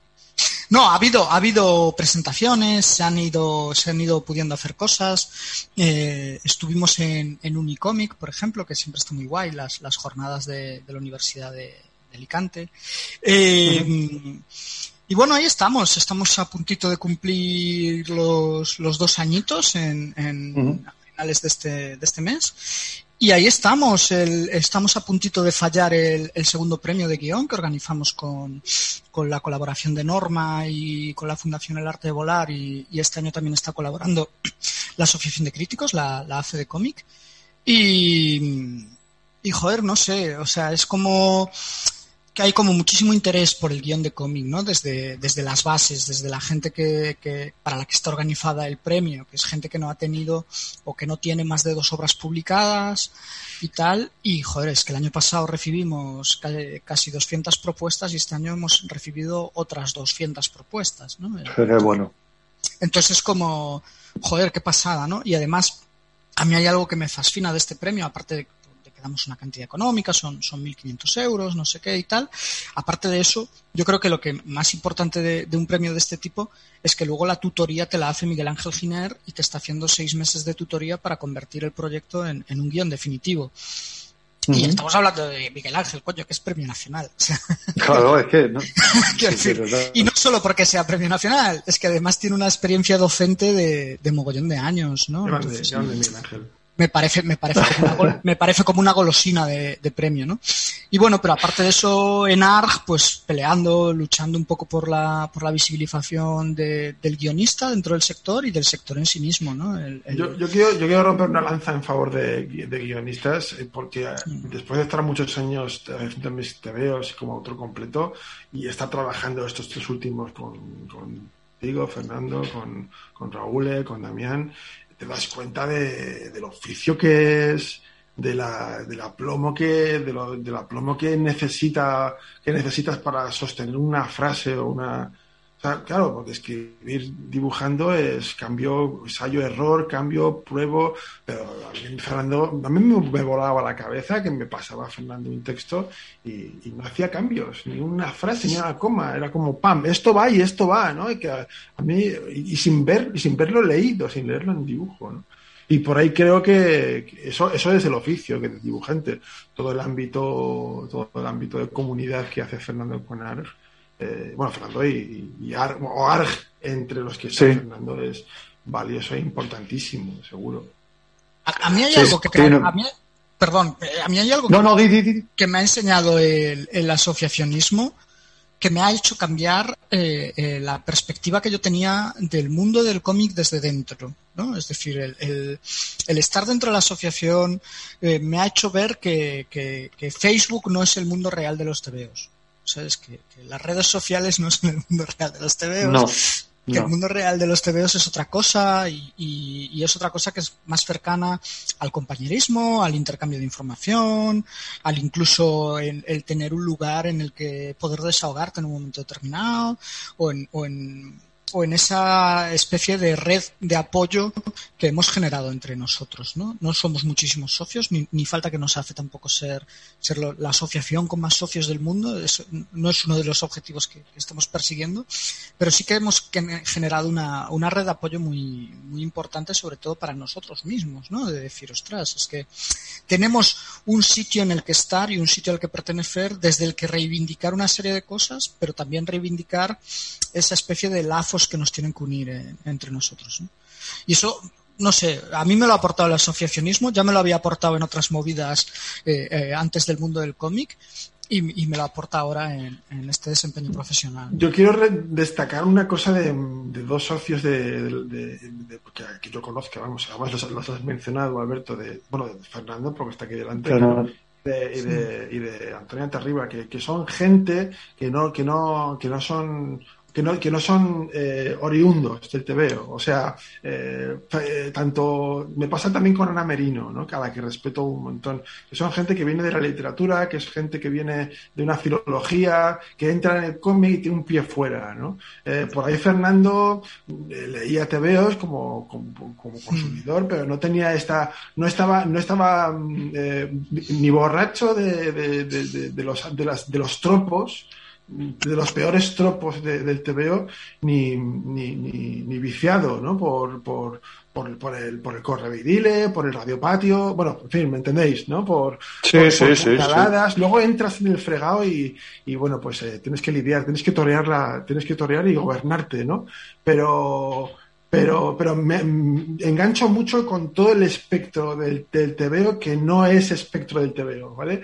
Y todo lo que sale fuera de la endogamia, todo, toda la, todo lo que todo el que tiene una voz que es eh, eh, tangencial, de- que viene de otro lado, a mí, a mí me parece que es, que es, que es eh, manantial para y me interesa mucho la voz de esa gente. Por ahí Fernando, por Fernando, pues, pues, pues se le nota, se le nota en el trato. Fíjate que habla de asociación, que habla de, que está en esto, en esta lógica politizada que tiene, pues, no sé, es muy valioso. A mí me parece un gol.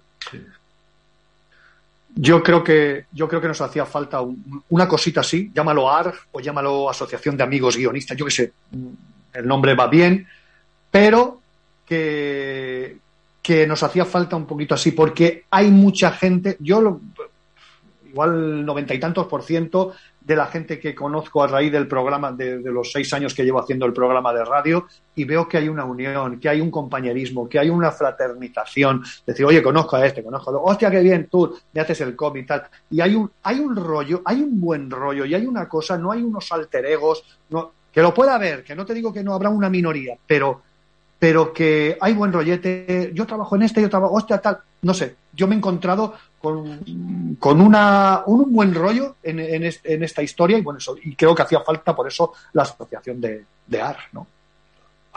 Creo que cada uno cuenta la feria como le ha ido, ¿eh, Alberto? Porque si yo te hablo También. de historial, es que me, me acabo, me acabo- acabo saliendo- acabo gritando y llorando a la vez, ¿sabes? Y- y- ¿no? Sí, Porque, Te noto muy porque, de- tío, o sea, además en la autoedición igual, que menudo patio, tío, menuda fauna, menuda flora, menudas... Y Sí. luego en el cómic, las pocas veces que he salido a una, a una feria, ahora, ahora entre guionistas y, y en esta especie de, de, de- de giro eh, de, de ponerme a dibujar guiones que no son míos, puedo considerar que tengo compadres y compañeros y a Fernando lo incluyo y, y me encuentro con gente con joder con gente normal no bueno normal entiéndeme sin esto Vale, vale. o sea, Entre comillas. bueno, sí eso digo claro me refiero a, a- a unos egos una cuestión de Sí, no sé a, A ver, a gente Por eso no he podido decir.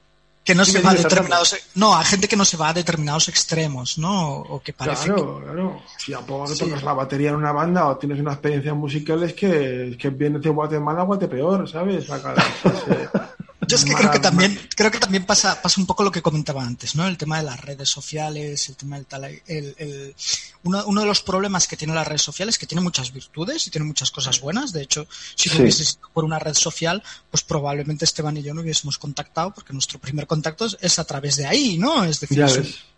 Es un mensaje por vía Facebook o, o tal, me llamo tal, aunque luego pues llames por teléfono, no. Pero los primeros contactos los estableces así ahora y yo los establezco así. Pero una de las cosas que te quita la, la red social es la distancia y la distancia hace el respeto. Entonces cuando, cuando tú eres capaz de desde tu casa eh, ponerte a gritarle a alguien de quien solo reconoces como mucho un, un avatar y, y un nombre, eh, eh, ahí estás perdiéndole el respeto a esa persona. Es decir, no le hablarías así en la calle, no le hablarías así en un auditorio, no le hablarías así en- eh, sentado al- a, tu lado en el sofá, no, no tal, ¿sabes? Entonces ahí se rompe esa, esa barrera y eso nos- muchas veces nos lleva a una tormenta de estas de mierda tremenda. ¿no? Tengo que matizar, y no es por polémica, ¿eh, Fernando? Pero es que así no lo digo exploto. También en, la- en la- las, en, las, en las distancias cortas, eh, Sí. con el- sobre texto del jiji, jajaja, hostia, ¿eh? La, la- las que te caen, ¿eh? O sea, hay Ya, una falta ya, de no, respeto. sí, sí. En clave de humor, ¿sabes? En clave de que somos colegas aquí. Y una especie de, también de agravio comparativo, ¿no? De, Sí. de, de- de medirse, de, de soltar la broma, de, de una falta de respeto. Te digo que, mira, yo a usted no le, no, le- no le conozco como para que me bromee, pero tengo que. Y, y, bueno, eh, es que, no sé, es- eh, me ha- pasa incluso entre lectores, eh, aficionados, o sea, eh, bueno, será que, que estas, estas, socio, estas sociopatías por fobia, ¿no? No por filia, ¿no? Pero Sí. pero sí que matizo esto, ¿no? Que yo creo que con respeto eh, y, con, y con afecto y con, y con una especie de disposición así por el otro, de apertura por, por quien le escribes eh, o, o por quien tratas, creo que todo, que todo puede ir bien. Pero mm, nada, era por matizarte esto, ¿eh, Fernando? Es cierto que, claro, yo estoy en mi casa y si eres un energúmeno, pues me cago en tu calavera y además está uno solo mucho rato. Claro, claro, no. Y que al final una cosa, una cosa lleva a la otra también, ¿no? El, el decir, el, el- si tú te acostumbras a esa falta de distancia, después cuando ocurre en la vida real, muchas veces también te la saltas. ¿no? De, Claro, "Ah, claro. he intercambiado dos mensajes contigo en mi vida, ¿no? Pero estamos en un salón y ya te puedo decir lo que yo quiera, ¿no? Pero Claro, claro. ¡Eh, hijo de puta! ¿Qué tal? ¿no? Os había dicho un Ah, noventa y claro. tantos por ciento. Va- Vamos, a- vamos a dejarlo en el 80 y, y ya está. No, Claro, Alberto, para es que, ¿sabes? sabes qué- qué- creo que pasa que cuando encuentras a alguien que sí en estos contextos, es mucho que sí, porque compensa un poco, Claro. florece en el barro una, una planta, esa planta hay que, hay que cuidarla. creo yo. Claro, claro, claro. Ese es el tema, ¿no? Que al final hay que, al final hay que cuidar las cositas estas de, de, de, de verdad cuando encuentras comunidad, ¿no? O cuando eres capaz de hacer comunidad. ¿no? Vale. Eso, eso al final es, es muy valioso en este ámbito y en cualquier otro. ¿eh? En, en todos los ámbitos de la vida. Todos los ámbitos de la vida. Sí. Oye, nenes, que es un placer eh, haberte. pod- Bueno, Fernando es un. Es un vamos, un placer inmenso el, el volverlo a tener siempre aquí en el quinto fantástico de Radio A y una enorme sorpresa con, con Esteban eh, de, de- de poder de poder intercambiar contigo ahí estas impresiones y sobre todo intercambiar a través de- del medio que, que nos une, que es el cómic, ¿no? Y a través de Plon Point, ¿no? Yo espero simplemente que a ver si se levanta un poquito todo esto y podamos ya a ver si nos podemos ver, porque todo el mundo me dice, hostia, sí, me canso. Bueno, y creo que Fernando la- en la anterior entrevista lo había comentado. Me canso y tal y que cual, pero todo el mundo quiere eso, el hablar. Oye, esta viñeta, esto, hostia, me ha encantado. Oye, que no me ha gustado nada el cómic, ¿qué tal? No, tal. Mm, Queremos eso. Que, eh, esperemos que pronto volvamos y, y nos podamos ver tranquilamente y podamos hacer un café tranquilamente. Ojalá, Alberto. Y un placer. Ojalá, ojalá, ojalá. Pues nada, yo encantado de, de estar otra vez por aquí y me tienes que No. preparar el, el carné VIP o algún día. ¿eh? Sí, yo creo que muchos dirán, oye, esto tiene que ser familia. Digo, no, no, él vive en Galicia, yo vivo en- Gabá, Barcelona. Pero no, no, yo disfruto mucho. Bueno, no me canso de repetirlo, ¿no? De la primera vez que lo conocí allí con, en Norma con ojos grises, eh, me encantó y bueno, mm, y sus obras sobre todo me, han- me encantan y me, me llenan y me, me satisfacen. vaya. Y Ah, espero, gracias, y espero, Esteban, conocerte en persona tranquilamente un día y sobre todo, y más conocer, y si no lo conocemos en persona, pues conocerte más por, tu- por todos los trabajos que vayas realizando. Haré lo- a- me, me encantaría, me encantaría. Y de nuevo, muchas gracias, Alberto, por, por la horita en, en- de charla. He estado, sí, he estado, he estado feliz, he estado feliz de hablar con Pues eso, de eso, de eso se trata, de que en el quinto fantástico estéis de eso. Nenes, un abrazote muy grande y nos vemos, ¿vale? Muy bien. Hasta pronto. Hasta luego. Gracias por, esta- por haber estado. Venga, gracias. Nada, chao, chao.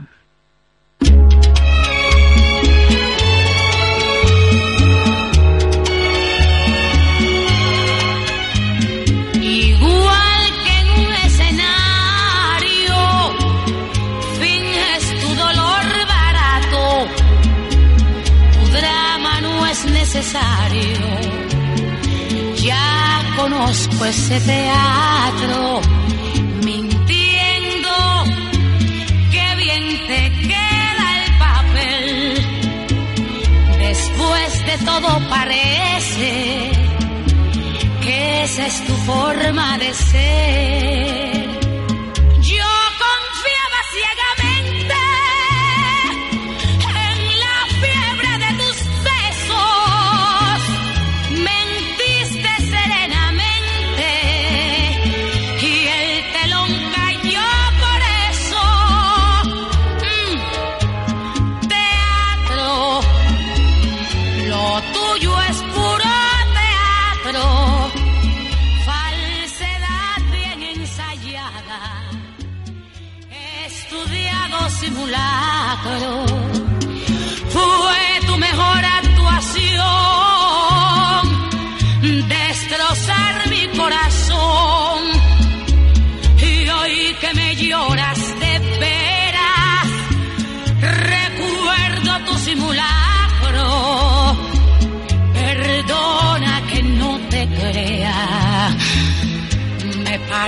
Que es teatro. Y acuérdate que según tu punto de vista yo soy la mala. ¡Ay! Teatro. Bueno, pues genial la entrevista tanto con Fernando como con Esteban. Eh, os preguntaréis un poco por qué, por qué es esta la, la canción Puro Teatro, porque aparece en el cómic. Por eso ha sido, tanto al inicio como al final de la entrevista, la hemos querido poner para, para home- homenajear sobre todo al cómic. Y bueno, pues nos vamos a ir, eh, vamos a escuchar un poquito más y de- del teatro, puro teatro, y después nos vamos a ir con Lorenzo Pascual. Igual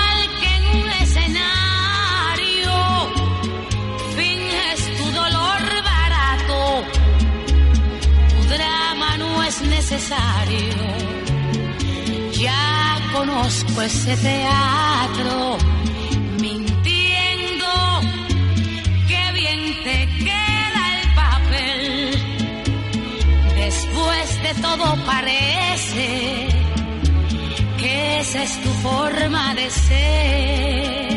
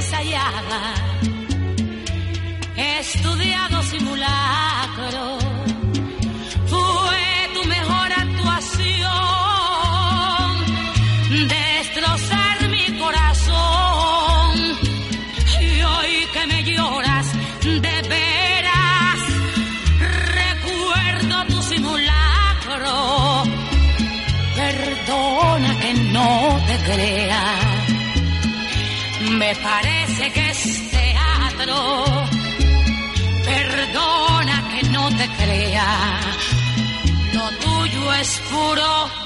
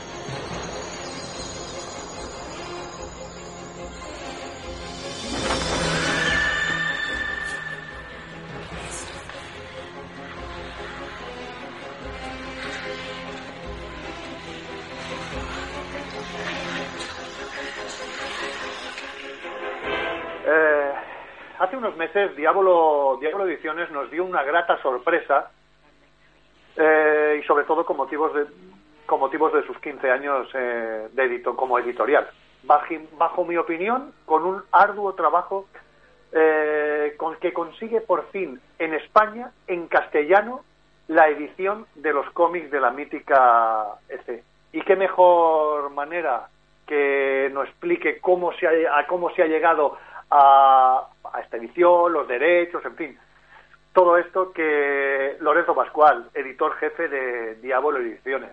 Lorenzo, muy buenos días y bienvenido al quinto fantástico de Radio Gabá. Buenos días, Alberto, muchas gracias. ¿Qué tal? ¿Cómo estamos? Bien, muy liados, preparando todo, pero bien, bien. Hombre, ya me imagino que tiene que ser, vamos, eh, un bombazo y, sobre todo eh, cuidarlo, como, ha- como habéis comentado en redes, cuidar esa edición porque es muy esperada, vaya. Sí, sí. Hombre, después de la, edición que había en España, que ya es de hace casi 20 años, por increíble que parezca, que era una edición en un formato muy pequeñito, en blanco y negro, pues cuando yo me planteé volver a sacar los TVOs de en España, claro, había que hacer de alguna forma algo que los dignificara mucho más, ¿no? Y el color era la opción prioritaria y un formato más grande que, que fuera más acorde al, arte que nos encontramos dentro de estos TVOs. Sí, es que, eh, a ver, la edición aquella, ya lo digo yo, ya lo digo yo, es que fue un desastre porque no se pudieron disputar, tan, no había una continuidad, muchas cosas que no, no engrandecían lo que lo que la propia editorial, lo que EFE ofreció en aquel, en aquel tiempo a, su, a sus lectores, vaya. Sí, sí, date cuenta, Alberto, yo también siempre comento que era curioso que después de tantos años de haberse publicado estos cómics originalmente, estuvieran inéditos en España. Es decir, es que permanecieron inéditos más de 50 años, a pesar de que eran conocidos por todo, ya no solo por los expertos, sino por el, por el resto de medios, ¿no? Por las adaptaciones, por las influencias. Sin embargo, fue curioso que ninguna editorial, sobre todo alguna editorial grande, se metiera a publicarlo aquí hasta que Planeta ya decidió, decidió hacerlo. Siempre me chocó, me chocó mucho eso, la verdad. Oye, antes de entrar de lleno en todo, en todo el tema de fe y bueno de, de, la biblioteca del terror, que también tocaremos un poquito, oye, me gustaría saber, Diablo Ediciones, ¿cómo lo habéis pasado este año, año y meses con el tema COVID complicado, eh, sobre todo para, Mm. para todas para editoriales como vosotros, que eh, la venta, eh, quieras que no, pues se, se ha trasladado al tema online. ¿Cómo, ¿Cómo habéis sobrevivido a toda esta historia? La verdad que a las editoriales en general, por lo que yo sé, nos ha ido bastante bien el año del COVID. Eh, ha sido un año desgraciado en muchos sentidos, pero para el sector editorial al final ha sido un año bastante positivo. Eh, pasadas las, digamos, las dos primeras semanas del confinamiento, que todos nos quedamos en estado de shock, ahí encerrados sin hacer nada, ni movernos, ni, ni comprar Sí. nada, la Sí, gente, sí. pues bueno, empezó, empezó a volver al libro poco a poco. Eh, muchas personas que habían dejado de leer hace ya mucho tiempo volvieron a, volvieron a la lectura, se empezó a animar la cosa, al principio online, porque obviamente no había otra posibilidad de, de ir a ningún sitio, pero empezaron las ventas online a aumentar, bien a través de nuestras páginas o a través de las plataformas conocidas, y cuando al final pudieron abrir ya las librerías en mayo, en algunos sitios antes que en otros, pues eh, las ventas siguieron siguieron bien. Y así hasta final de año. O sea que el año ha sido, por increíble que nos parezca, muy muy bueno editorialmente hablando a nosotros. Y bueno, tengo entendido que al resto de, de las editoriales o a la mayor a la mayor parte. Ha sido un año eh, mejor que nunca, aunque esté incluso resulta un poco ceno decirlo, pero pero es la verdad. No, no, no, no, no. Yo creo que la gente, se- lo que comentabas tú, eh, es que se han encontrado, a ver, que se cansa de la tele. La tele sí, puedes estar viendo y tal, pero yo creo que, que ha buscado, ha reencontrado el libro, ha reencontrado el cómic, Sí, y yo sí. creo que, que la cosa pues ha ido funcionando así, vaya. Sí, sí, sí, exactamente. Oye, eh, 15 años de, de Diablo Ediciones. Qué pena, qué pena, porque con este lanzamiento, de, sobre todo de, de las publicaciones de EC, qué pena de no haber podido estar en, con, en stand, en salones, porque hubiese sido un colorido y, y, un, y una llamada al lector de, del terror, de la ciencia ficción. Yo creo que se hubiera enganchado nada más que con un stand, con el colorido de que, que, que tiene EC, ¿no? Todas sus, Sí, todas sí. sus viñetas, sus publicaciones, hubiese sido genial. Sí, sí, sí, sí, eso es lo que más nos duele, el no haber podido acudir este año pues a ferias o a casi ninguna feria de las conocidas, que es un encuentro directo con los lectores, como dices tú, que, que te muestran el entusiasmo un poco por lo que vas publicando, sobre todo cuando son cosas que eran tan añoradas, pues es un, sí, sí, es una pena que, que vamos a arrastrar, igual que el no haber podido celebrar el aniversario de la editorial, que era en abril y queríamos haber hecho algo así grande y no, no ha sido posible. Esperemos que antes de que acabe el año las cosas mejoren como, parece como parece que están haciendo y, algo se pueda hacer y haya todavía algunas ferias y bueno, podamos, podamos acudir. Fíjate, fíjate una cosa, cuando, cuando creo que fue por el mes de febrero, cuando sacáis el, el, el cartelito que he puesto todo, todo el Twitter, el cartelito, aquel, aquello, aquel, es que la respuesta, yo me quedé alucinado de la respuesta de la gente, yo me, me Sí, sí. una sorpresa tremenda porque lo oye, siempre uno lo tiene un poquito de oídas o ha leído algo o ha conseguido en mercadillos y tal, las ediciones aquellas de Planeta y tal, pero la respuesta de la gente, por fin, esto es un tal, bueno, todo de agradecimientos y de buen y de, de, súper contentos, ¿no? De- de- del aficionado al cómic. Sí, sí, fíjate que, o sea, sabíamos que iba a tener impacto la noticia, por eso eh, decidimos dosificarla, eh, ir dando pistas poco a poco, al principio, pues bueno, menos claras, luego ya más evidentes, También es cierto que había mucha gente que como nos asociaba un poco con el género de terror en estos últimos años, con la publicación pues de la biblioteca que has comentado tú, los cómics de Joe Books, de americanos, eh, con la revista Chulú, que estamos casi desde el inicio en la editorial, había muchos lectores que sí que es verdad que de vez en cuando nos decían, ¿por qué no publicáis los cómics de fe? ¿Por qué no publicáis? Yo me callaba porque, a ver, yo lo tenía en mente, llevaba tiempo detrás de los cómics de fe, pero la cosa eh, no era no era tan sencilla, la cosa de los derechos eh, ha sido muy ardua y difícil de, de conseguir y de gestionar hasta que al final logramos firmar el contrato y obviamente no podía decir tampoco nada antes de tener el contrato firmado, no podíamos decir nada porque entonces, pues bueno, siempre hay riesgos de siempre no, en no. competidores. Sí, sí, sí, vamos, y eso es un, es un producto jugosísimo, vaya, es que yo creo que esto, las grandes, los grandes transatlánticos, como digo yo, hubiera, si hubieran, hubieran empujado por ello, pero vamos, la relación para coger los derechos, ¿habláis con, con, eh, con gente de Estados Unidos o, o había alguien que tenía los derechos aquí en España? No, no, sí, no es. Eh, esto se conduce a través de un agente que parece que está relacionado con los familiares, con los herederos de, de Gaines, del editor, pero eh, a diferencia de otros derechos que compramos, aquí lo curioso es que, claro, esta persona te vende los derechos de publicación, pero no te vende el material, del que parece que no dispone. El material teníamos que negociarlo por otra parte, o sea que ha habido como una doble negociación, una con los derechos de publicación, que era a través de, pues eso, de la gente que lleva los, pues, eh, los derechos de, de, de Games, y por otra parte, pues había que negociar con alguien que nos diera el material. Eh, eh, como sabrás, Alberto, en Estados Unidos durante muchos años se han estado reeditando estos TVOs. O sea, ha habido muchas reediciones muy diversas, de mayor o menor calidad. Y bueno, la que se reeditó en Comic Books durante, durante varios años, que luego se volvió a hacer y tal, a cargo la mayor parte de las veces de, de, bueno, pues de un personaje muy conocido en el mundo del cómic que se llama eh, Cochran. Eh, resulta que esa, esa edición parece ser que muchos escaneos del, de los TVOs originales o del material original se habían perdido, es decir, no estaba completa, con lo cual de ahí no se podían utilizar. Y solo disponíamos de la edición de Fantagraphic, que era en blanco y negro, o la edición recoloreada que había hecho Dark Horse. Como el blanco y negro ya estaba publicado en España, no era una opción, buscamos la edición en color, pero la edición en color que había hecho Dark Horse, la verdad es que era un color muy... Era un trabajo titánico el que habían hecho, porque habían vuelto a colorear todos los TVOs, pero era un color demasiado, demasiado llamativo, demasiado brillante para los estándares que, que usamos y para el lector, digamos, eh, de este tipo de TVOs antiguos, que nos gusta ver el color lo más parecido a como, como lo hicieron, ¿no? Unos colores en plan, pues eso, 2.0. O sea que tomamos la decisión de volver a colorear todo con lo que suponía eh, siguiendo el patrón original, o descargando los cómics originales. Eh, ha habido dos personas encargadas de volver a colorear todo para que sea igual o lo más parecido posible a las ediciones originales, no a la edición de Dark Horse, que, que no lo era. Sí, porque quieras que no, eh, las ediciones originales tienen ese color diferente, ese color que, que te llama más la atención, no sé. Claro, en- claro, claro. Ujú. Sí, sí.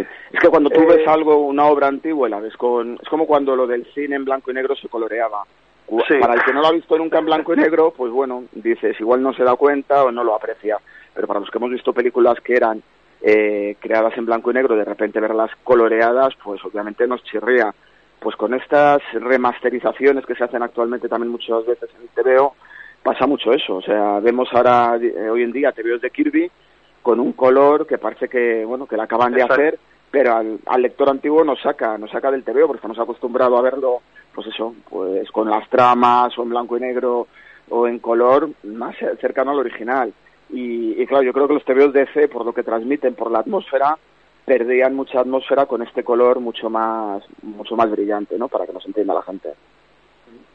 Oye, para el nuevo lector, pues sobre todo los veteranos ya sabemos lo que nos vamos a encontrar y vamos a disfrutar sobre todo con, con ellos.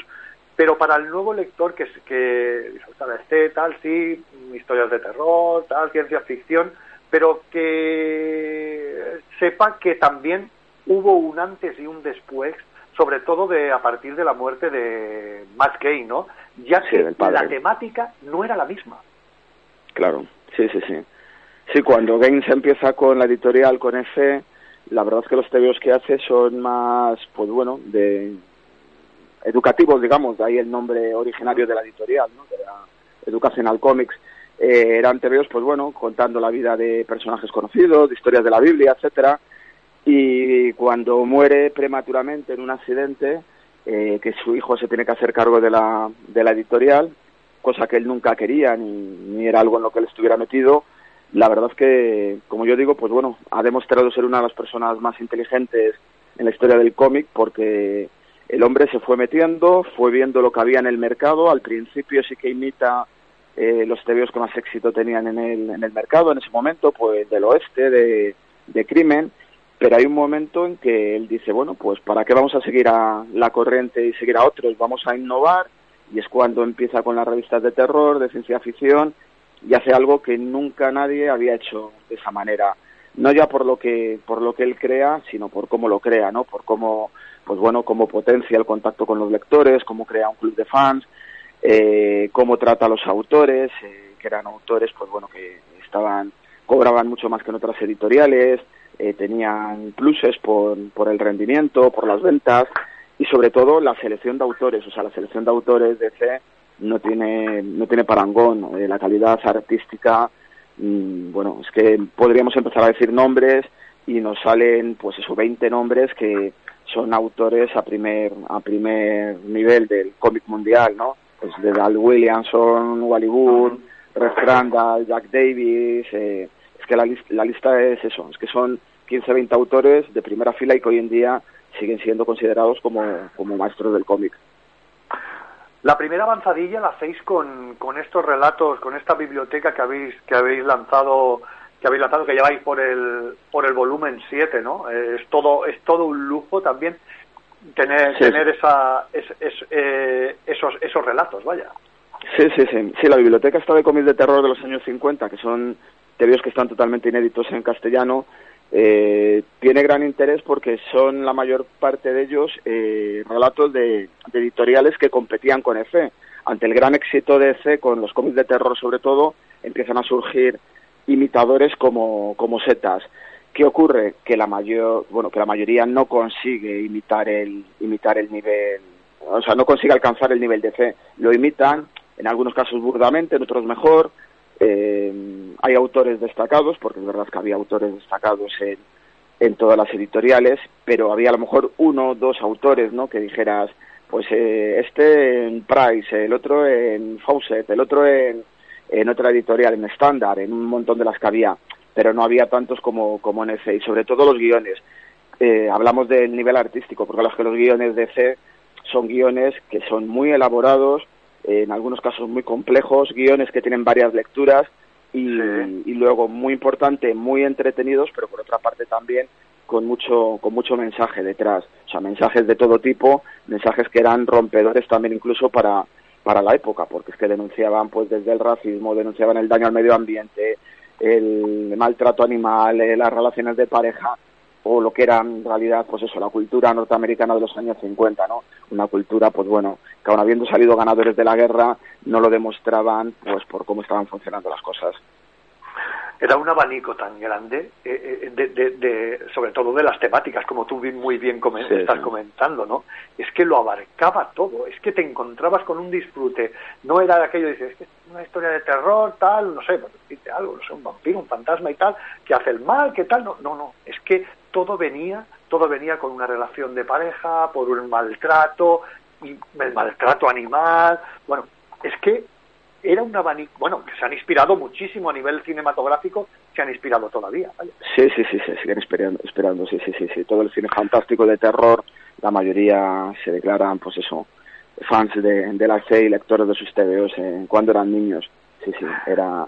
Además lo que tienen estos TVOs, a diferencia de, de muchos, es que como tienen mucho texto, eh, donde normalmente a lo mejor una- un lector normal se lee un comic book, un TVO en, yo que sé, en 15 minutos, en 20, un TVO de la C, ¿no? Un TVO de la C requiere mucho más tiempo y mucha más atención, porque los textos que tiene son tan largos que, que, que, claro, te, te hace que te in- inmersas más en esa historieta y de alguna forma, pues, eh, la disfrutes, la disfrutes mucho más.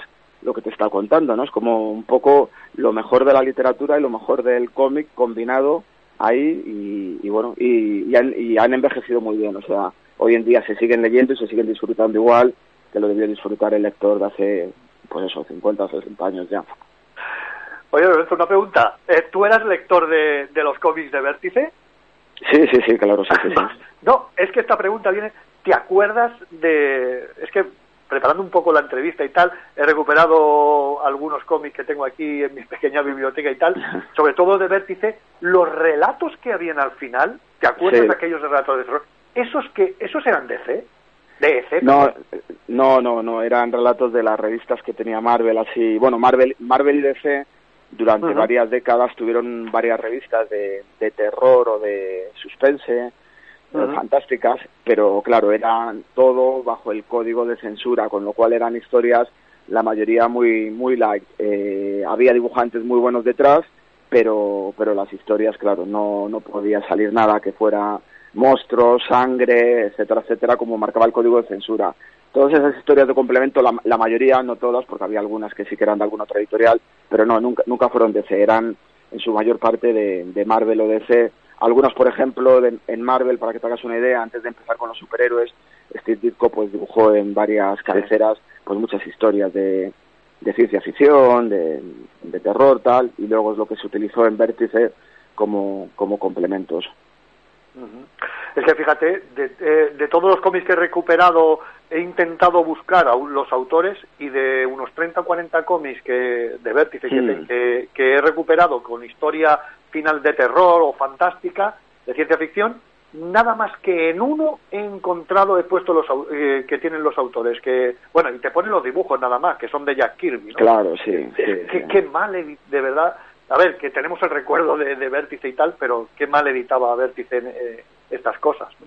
Claro, sí, sí, sí, sí, muchas veces incluso Vértice borró también créditos, bueno, muchas veces la mayoría borraba créditos y, y no permanecían. También en Estados Unidos sí que es cierto que es verdad que a veces el dibujante, eh, a veces eh, sí se le acreditaba, pero normalmente al que hacía la historia no. En estas historias de Marvel, en la mayoría, por no decir en casi todas, estaba Stan Lee detrás, también haciéndolas, era un poco el guionista principal.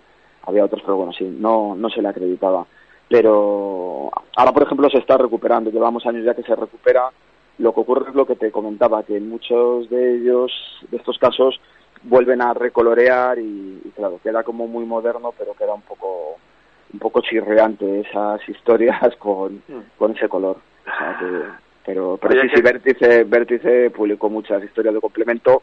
En el fondo eran eh, herederas de C pero pero bueno no no había color con con el origen Yo es que te lo comentaba, te lo comentaba más claro, porque es que eh, lo ponen, pero no atribuyen nada, nada más. Y ya te Ya, digo, que sí. en 30 40 cómics me he encontrado nada más que uno eh, en el que te pone eh, los autores del dibujo. ¿vale? Sí, sí, sí, no se, no se ponía, no se ponía. Publicamos nosotros un libro el año pasado que se llama Cuando, cuando Sí, Daredevil, Daredevil. sí, donde explicamos todo el tema de vértice y tal. Es un libro que ha tenido muy buena acogida por parte de los aficionados, de Alphonse Moliné. Tuvimos, tuvimos a Alphonse Moulinet aquí hablándonos, hablándonos de él, una, una auténtica gozada, ¿no? El, el- el trabajo que hizo en, recu- en recuperar toda esa información de, de, de las ediciones Vértice, vaya. Sí, sí, sí. Y sí, también tuvimos, sobre todo, a, a Jorge Gar eh, Ah, claro, de, de Novaro, de Claro, del libro, sí, sí. Cuando Bruce Wayne se llamaba... eh, Bruno Díaz. Eso, eh. Oye, Bruno una- Díaz. una- a- ahora que ahora que estabas hablando de- del código del, del código code, ¿no? Frederick Wertan hizo muchísimo, sobre todo yo creo que fue la editorial que más perjudi- que más salió perjudicada Sí. de la seducción de los inocentes, yo creo que fue EC. Salieron perjudicadas unas cuantas, porque hubo más que hubo más que desaparecieron. Eh, al fin y al cabo, ECE logró sobrevivir, ¿no? Gracias a la publicación de la revista MAP, pero hubo algunas que llevaban ya más de 10 años publicando y, desaparecieron, desaparecieron incluso. Pero sí, sí, eh, ECE sufrió porque, claro, el código de alguna manera eh, censuraba todo lo que hacían, todo lo que hacían ellos. Eh, no se podía ver la palabra terror en, en la portada, no podían salir vampiros, eh, zombies, tal. Claro, eh, directamente era un torpedo a la línea de flotación de las publicaciones de a las publicaciones de fe y hay que tener en cuenta que las publicaciones de terror eran las que eran más rentables para ellos, las que vendían más. Las de ciencia ficción, que yo siempre digo que para mí me parecen las mejores, ellos también les parecían, era con las que estaban más satisfechos, pues sin embargo las ventas eran mucho mucho menores y el código de censura pues sí sí eh, hizo que todas las cabeceras cerraran eh, cambiaron la orientación pero cambiando la orientación y tratando otros temas que eran te- temas médicos de psicoanálisis de de, aviación pues no no ya ya no pudieron sobrevivir en ese sentido Oye, ¿tenéis, ¿tenéis ya una, una predispo- predisposición de, de decir tantos tomos, eh, van a salir cada mes, cada dos meses, cada tres? ¿Cómo, va a ser, ¿Cómo se va a editar de estas publicaciones y qué tiempo de salida tenéis preparado? A ver, en principio este año sacaremos tres tomos, dos de Tales from the Crypt y uno de Wake Signs. Eh, la idea es, si la cosa va, va bien, pues a lo mejor aumentar, porque sí que es verdad que hay mucho material. Mm, No fueron muchos años los DC, pero como editaban muchas revistas, al final sí que hay pues unas hay cientos de revistas de comic book y es verdad que con una periodicidad a lo mejor muy muy larga, cada tres, cuatro meses, estaríamos de aquí a 15 años todavía publicando los cómics de la EC. Eh, con lo cual, bueno, mi idea sí que es, si va bien, a lo mejor aumentar la periodicidad. Ahora vamos a publicar tres de aquí a final de año, pero Ah. igual, pues bueno, el año que viene hacer a lo mejor cinco o seis. En ningún caso tampoco mensualmente, porque son tomos muy, pues, eh, pues eso, que al final resultan muy voluminosos, eh, resultan pues un precio que tampoco se puede pagar todos los meses, sobre todo teniendo en cuenta lo saturado que está el mercado, ¿no? Y con tomos muy gordos y el lector pues no, no puede seguir estas publicaciones mensualmente, pero bueno, igual pues eso cada dos meses, tal. Empezamos con el género de terror y ciencia ficción y luego pues iremos combinando otras revistas, otras temáticas, para así un poco ofrecer un poco, como decías tú, una muestra de todos los temas que abarcaba EC, que eran muchos. Fenomenal, fenomenal. ¿Y ¿Qué, qué, qué, qué perdona, ¿qué agruparéis en cada tomo? ¿Seis, siete, ocho Sí, grapas? sí, sí. ¿Podemos llamar Sí, más un- o menos? unos seis comic books originales americanos, unas doscientas y pico páginas. Luego respetamos un poco los prólogos que ha introducido la editorial americana Dark Horse. Suele meter una introducción de un experto y luego también a lo mejor un prólogo a veces de alguien más conocido. De hecho, en el primer tomo va un prólogo pequeñito de, de John Carpenter, que es otro de los que se declara heredero de, de la de la EC, como antes me comentabas tú. Sí, es que John Carpenter y Stephen King yo creo que son han, bebi- han tenido que beber, ¿no? Eh, de, sobre todo de, de estas fuentes, ¿no? De la fuente de, de EC, ¿no? Eh, Sí, no, sí, fíjate el- ni más el, el ejemplo de, Stephen King, la peli, la, la- el Creep Show, ¿no? Sí, sí, sí, sí, sí, era, era un homenaje, sí, sí, sí, sí, sí, sí. Eran homenajes tremendos, vaya. Sí, sí, sí. Oye, también felicitaros, eh, permíteme destacar sobre todo algo que aguanta, que lo aguantáis vosotros, que es la revista Cthulhu, ¿no? Para mí un fan, es una revista, pero para mí un fanzine, ¿no? De los que aguantan. Y se sirve un poco de comparación con, la, con, la, con las revistas aquellas de, de Tután de los 70, 80 y, final, y principios de los Sí, 90, sí. ¿no? El Trepi, 84, no sé. Sí, sí, no estamos muy orgullosos porque es la única revista que queda en el mercado. Es la única revista profesional, es, la- es Chulú y llevamos ya, fíjate, 24 números, eh, 6 números especiales, muchos números agotados y mucha gente sí que le recuerda las revistas de los años 80 y eso de coleccionar una revista y buscar números que se te han pasado y comprar el nuevo, pues sigue teniendo un atractivo para muchos para muchos lectores y más cuando es una revista que bueno pues damos cabida a muchos autores tiene bastante calidad y trata el género del terror que sabes que hay muchos aficionados claro Ajá. Oye, ¿tenéis pensado tenéis pensado hacer alguna presentación cuando ya esté la cosa oficial de que tenemos ya el primer el primer volumen tal? ¿Tenéis pensado hacer en algún sitio alguna presentación o algo? Sí, el problema es claro que estamos muy limitados hoy en día con Ya, el ya. tema del con el tema del virus pero bueno algo iremos haciendo algo. Hombre hemos ido haciendo una serie de entrevistas tal y mostrando material pero bueno a ver algo algo más intentaremos mover para que llegue más llegue más a la gente eso está está claro. La pena es que al ser un material tan antiguo no no tenemos ningún autor que pueda venir a, a mostrarse, ¿no? Eso es eso es la, la lástima, que si hubiera alguno alguno vivo, pero ya ves. Bueno, aunque estuviera aunque estuviera vivo, serían muy mayores los pobres y no podrían tampoco desplazarse a España. O sea que, Te veo, te veo tirando con sillas de ruedas ahí. ¿eh? sí, Vamos, sí, Es una pasada. sí. Pues oye, Lorenzo, felicitaros, felicitaros por, por estas, sobre todo por la biblioteca de terror y por este, por este colofón final, porque creo que habéis dado un salto. Bueno, ya lo, ya lo tenéis con todos vuestros libros que son de una temática que sobre que al lector le, le fascina. Llámese Hombres Lobo, como tenéis de Hombres Lobo, llámese de, de cómics antiguos, como puede ser cuando Daredevil se llamaba Dan Defensor, en fin, todo un auténtico. Ah, una, una cosita que te quería decir. De- hablando Sí. de, del de Jorge Gar, del de. Ay, de. Cuando Sí, cuando- Batman cuando- cuando Sí, Bruce cuando Wayne Bruce Wayne se llamaba- Bruno, Bruno Díaz, llegas, ¿sabes si se ha llegado a, a ofrecer a plataformas? Porque había un documental, no sé si hablaste con Jorge Gar, Sí, de, sí, sí. de un documental. ¿Sabes si, es- si el documental al final se ha hecho alguna plataforma con ello o algo? Sí, al final hay varios documentales y había uno de hecho que eh, hablaron el director con Jorge para que se pudiera emitir. Después de, al principio salió, yo creo que sí que era algún pago por visión, pero luego ya lo ofrecieron libremente. Y, y me parece que en YouTube yo al menos vi, vi uno. No sé si están, porque creo que luego hicieron otro, pero sí se puede, se puede ver en la red libremente. En YouTube se puede ver uno de ellos, de, la historia de, la historia de Novaro.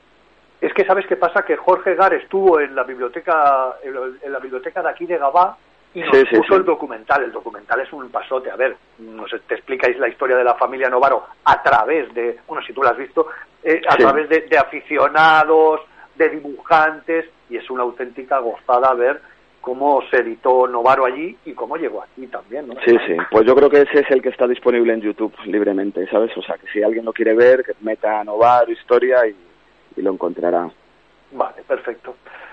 Lorenzo, Sí, Novaro, como vértice, como decías tú, que Novaro, por desgracia, también, pues las cosas que como lectores y como niños nos gustaba, pero lo hacían todo, pues bueno, muy mal traducido, muy mal, todo. Pero bueno, Con el cabo de los años, con el cabo de los años y en libros como estos te das cuenta y dices joder qué mal qué mal lo hicieron no, No, es, es, es una que es una pena. Tienes el recuerdo bonito de la nostalgia me imagino pero Claro. pero tienes el pero ese Claro, sí, pero bueno, me imagino que tus tebeos de vértice los atesoras con todo el cariño y nos, pa- nos pasa a todos, que van así, los tenemos ahí, no nos hemos desprendido de ellos. A mí hay gente Claro. que me dice, ¿por qué no los tiras tal? Y digo, bueno, No, es, no. Que es mi, es que mi, es mi infancia, es mi historia, ¿cómo lo voy a tirar?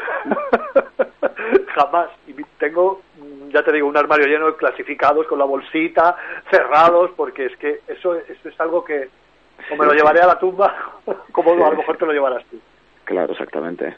Pues nada, felicitaros a vosotros, Alberto, porque la verdad es que os he escuchado otras veces, hacéis una labor en pos del cómic que, Sí. bueno, hay que destacar y que si hubiera más medios como vosotros, mejor no sería a todos. No,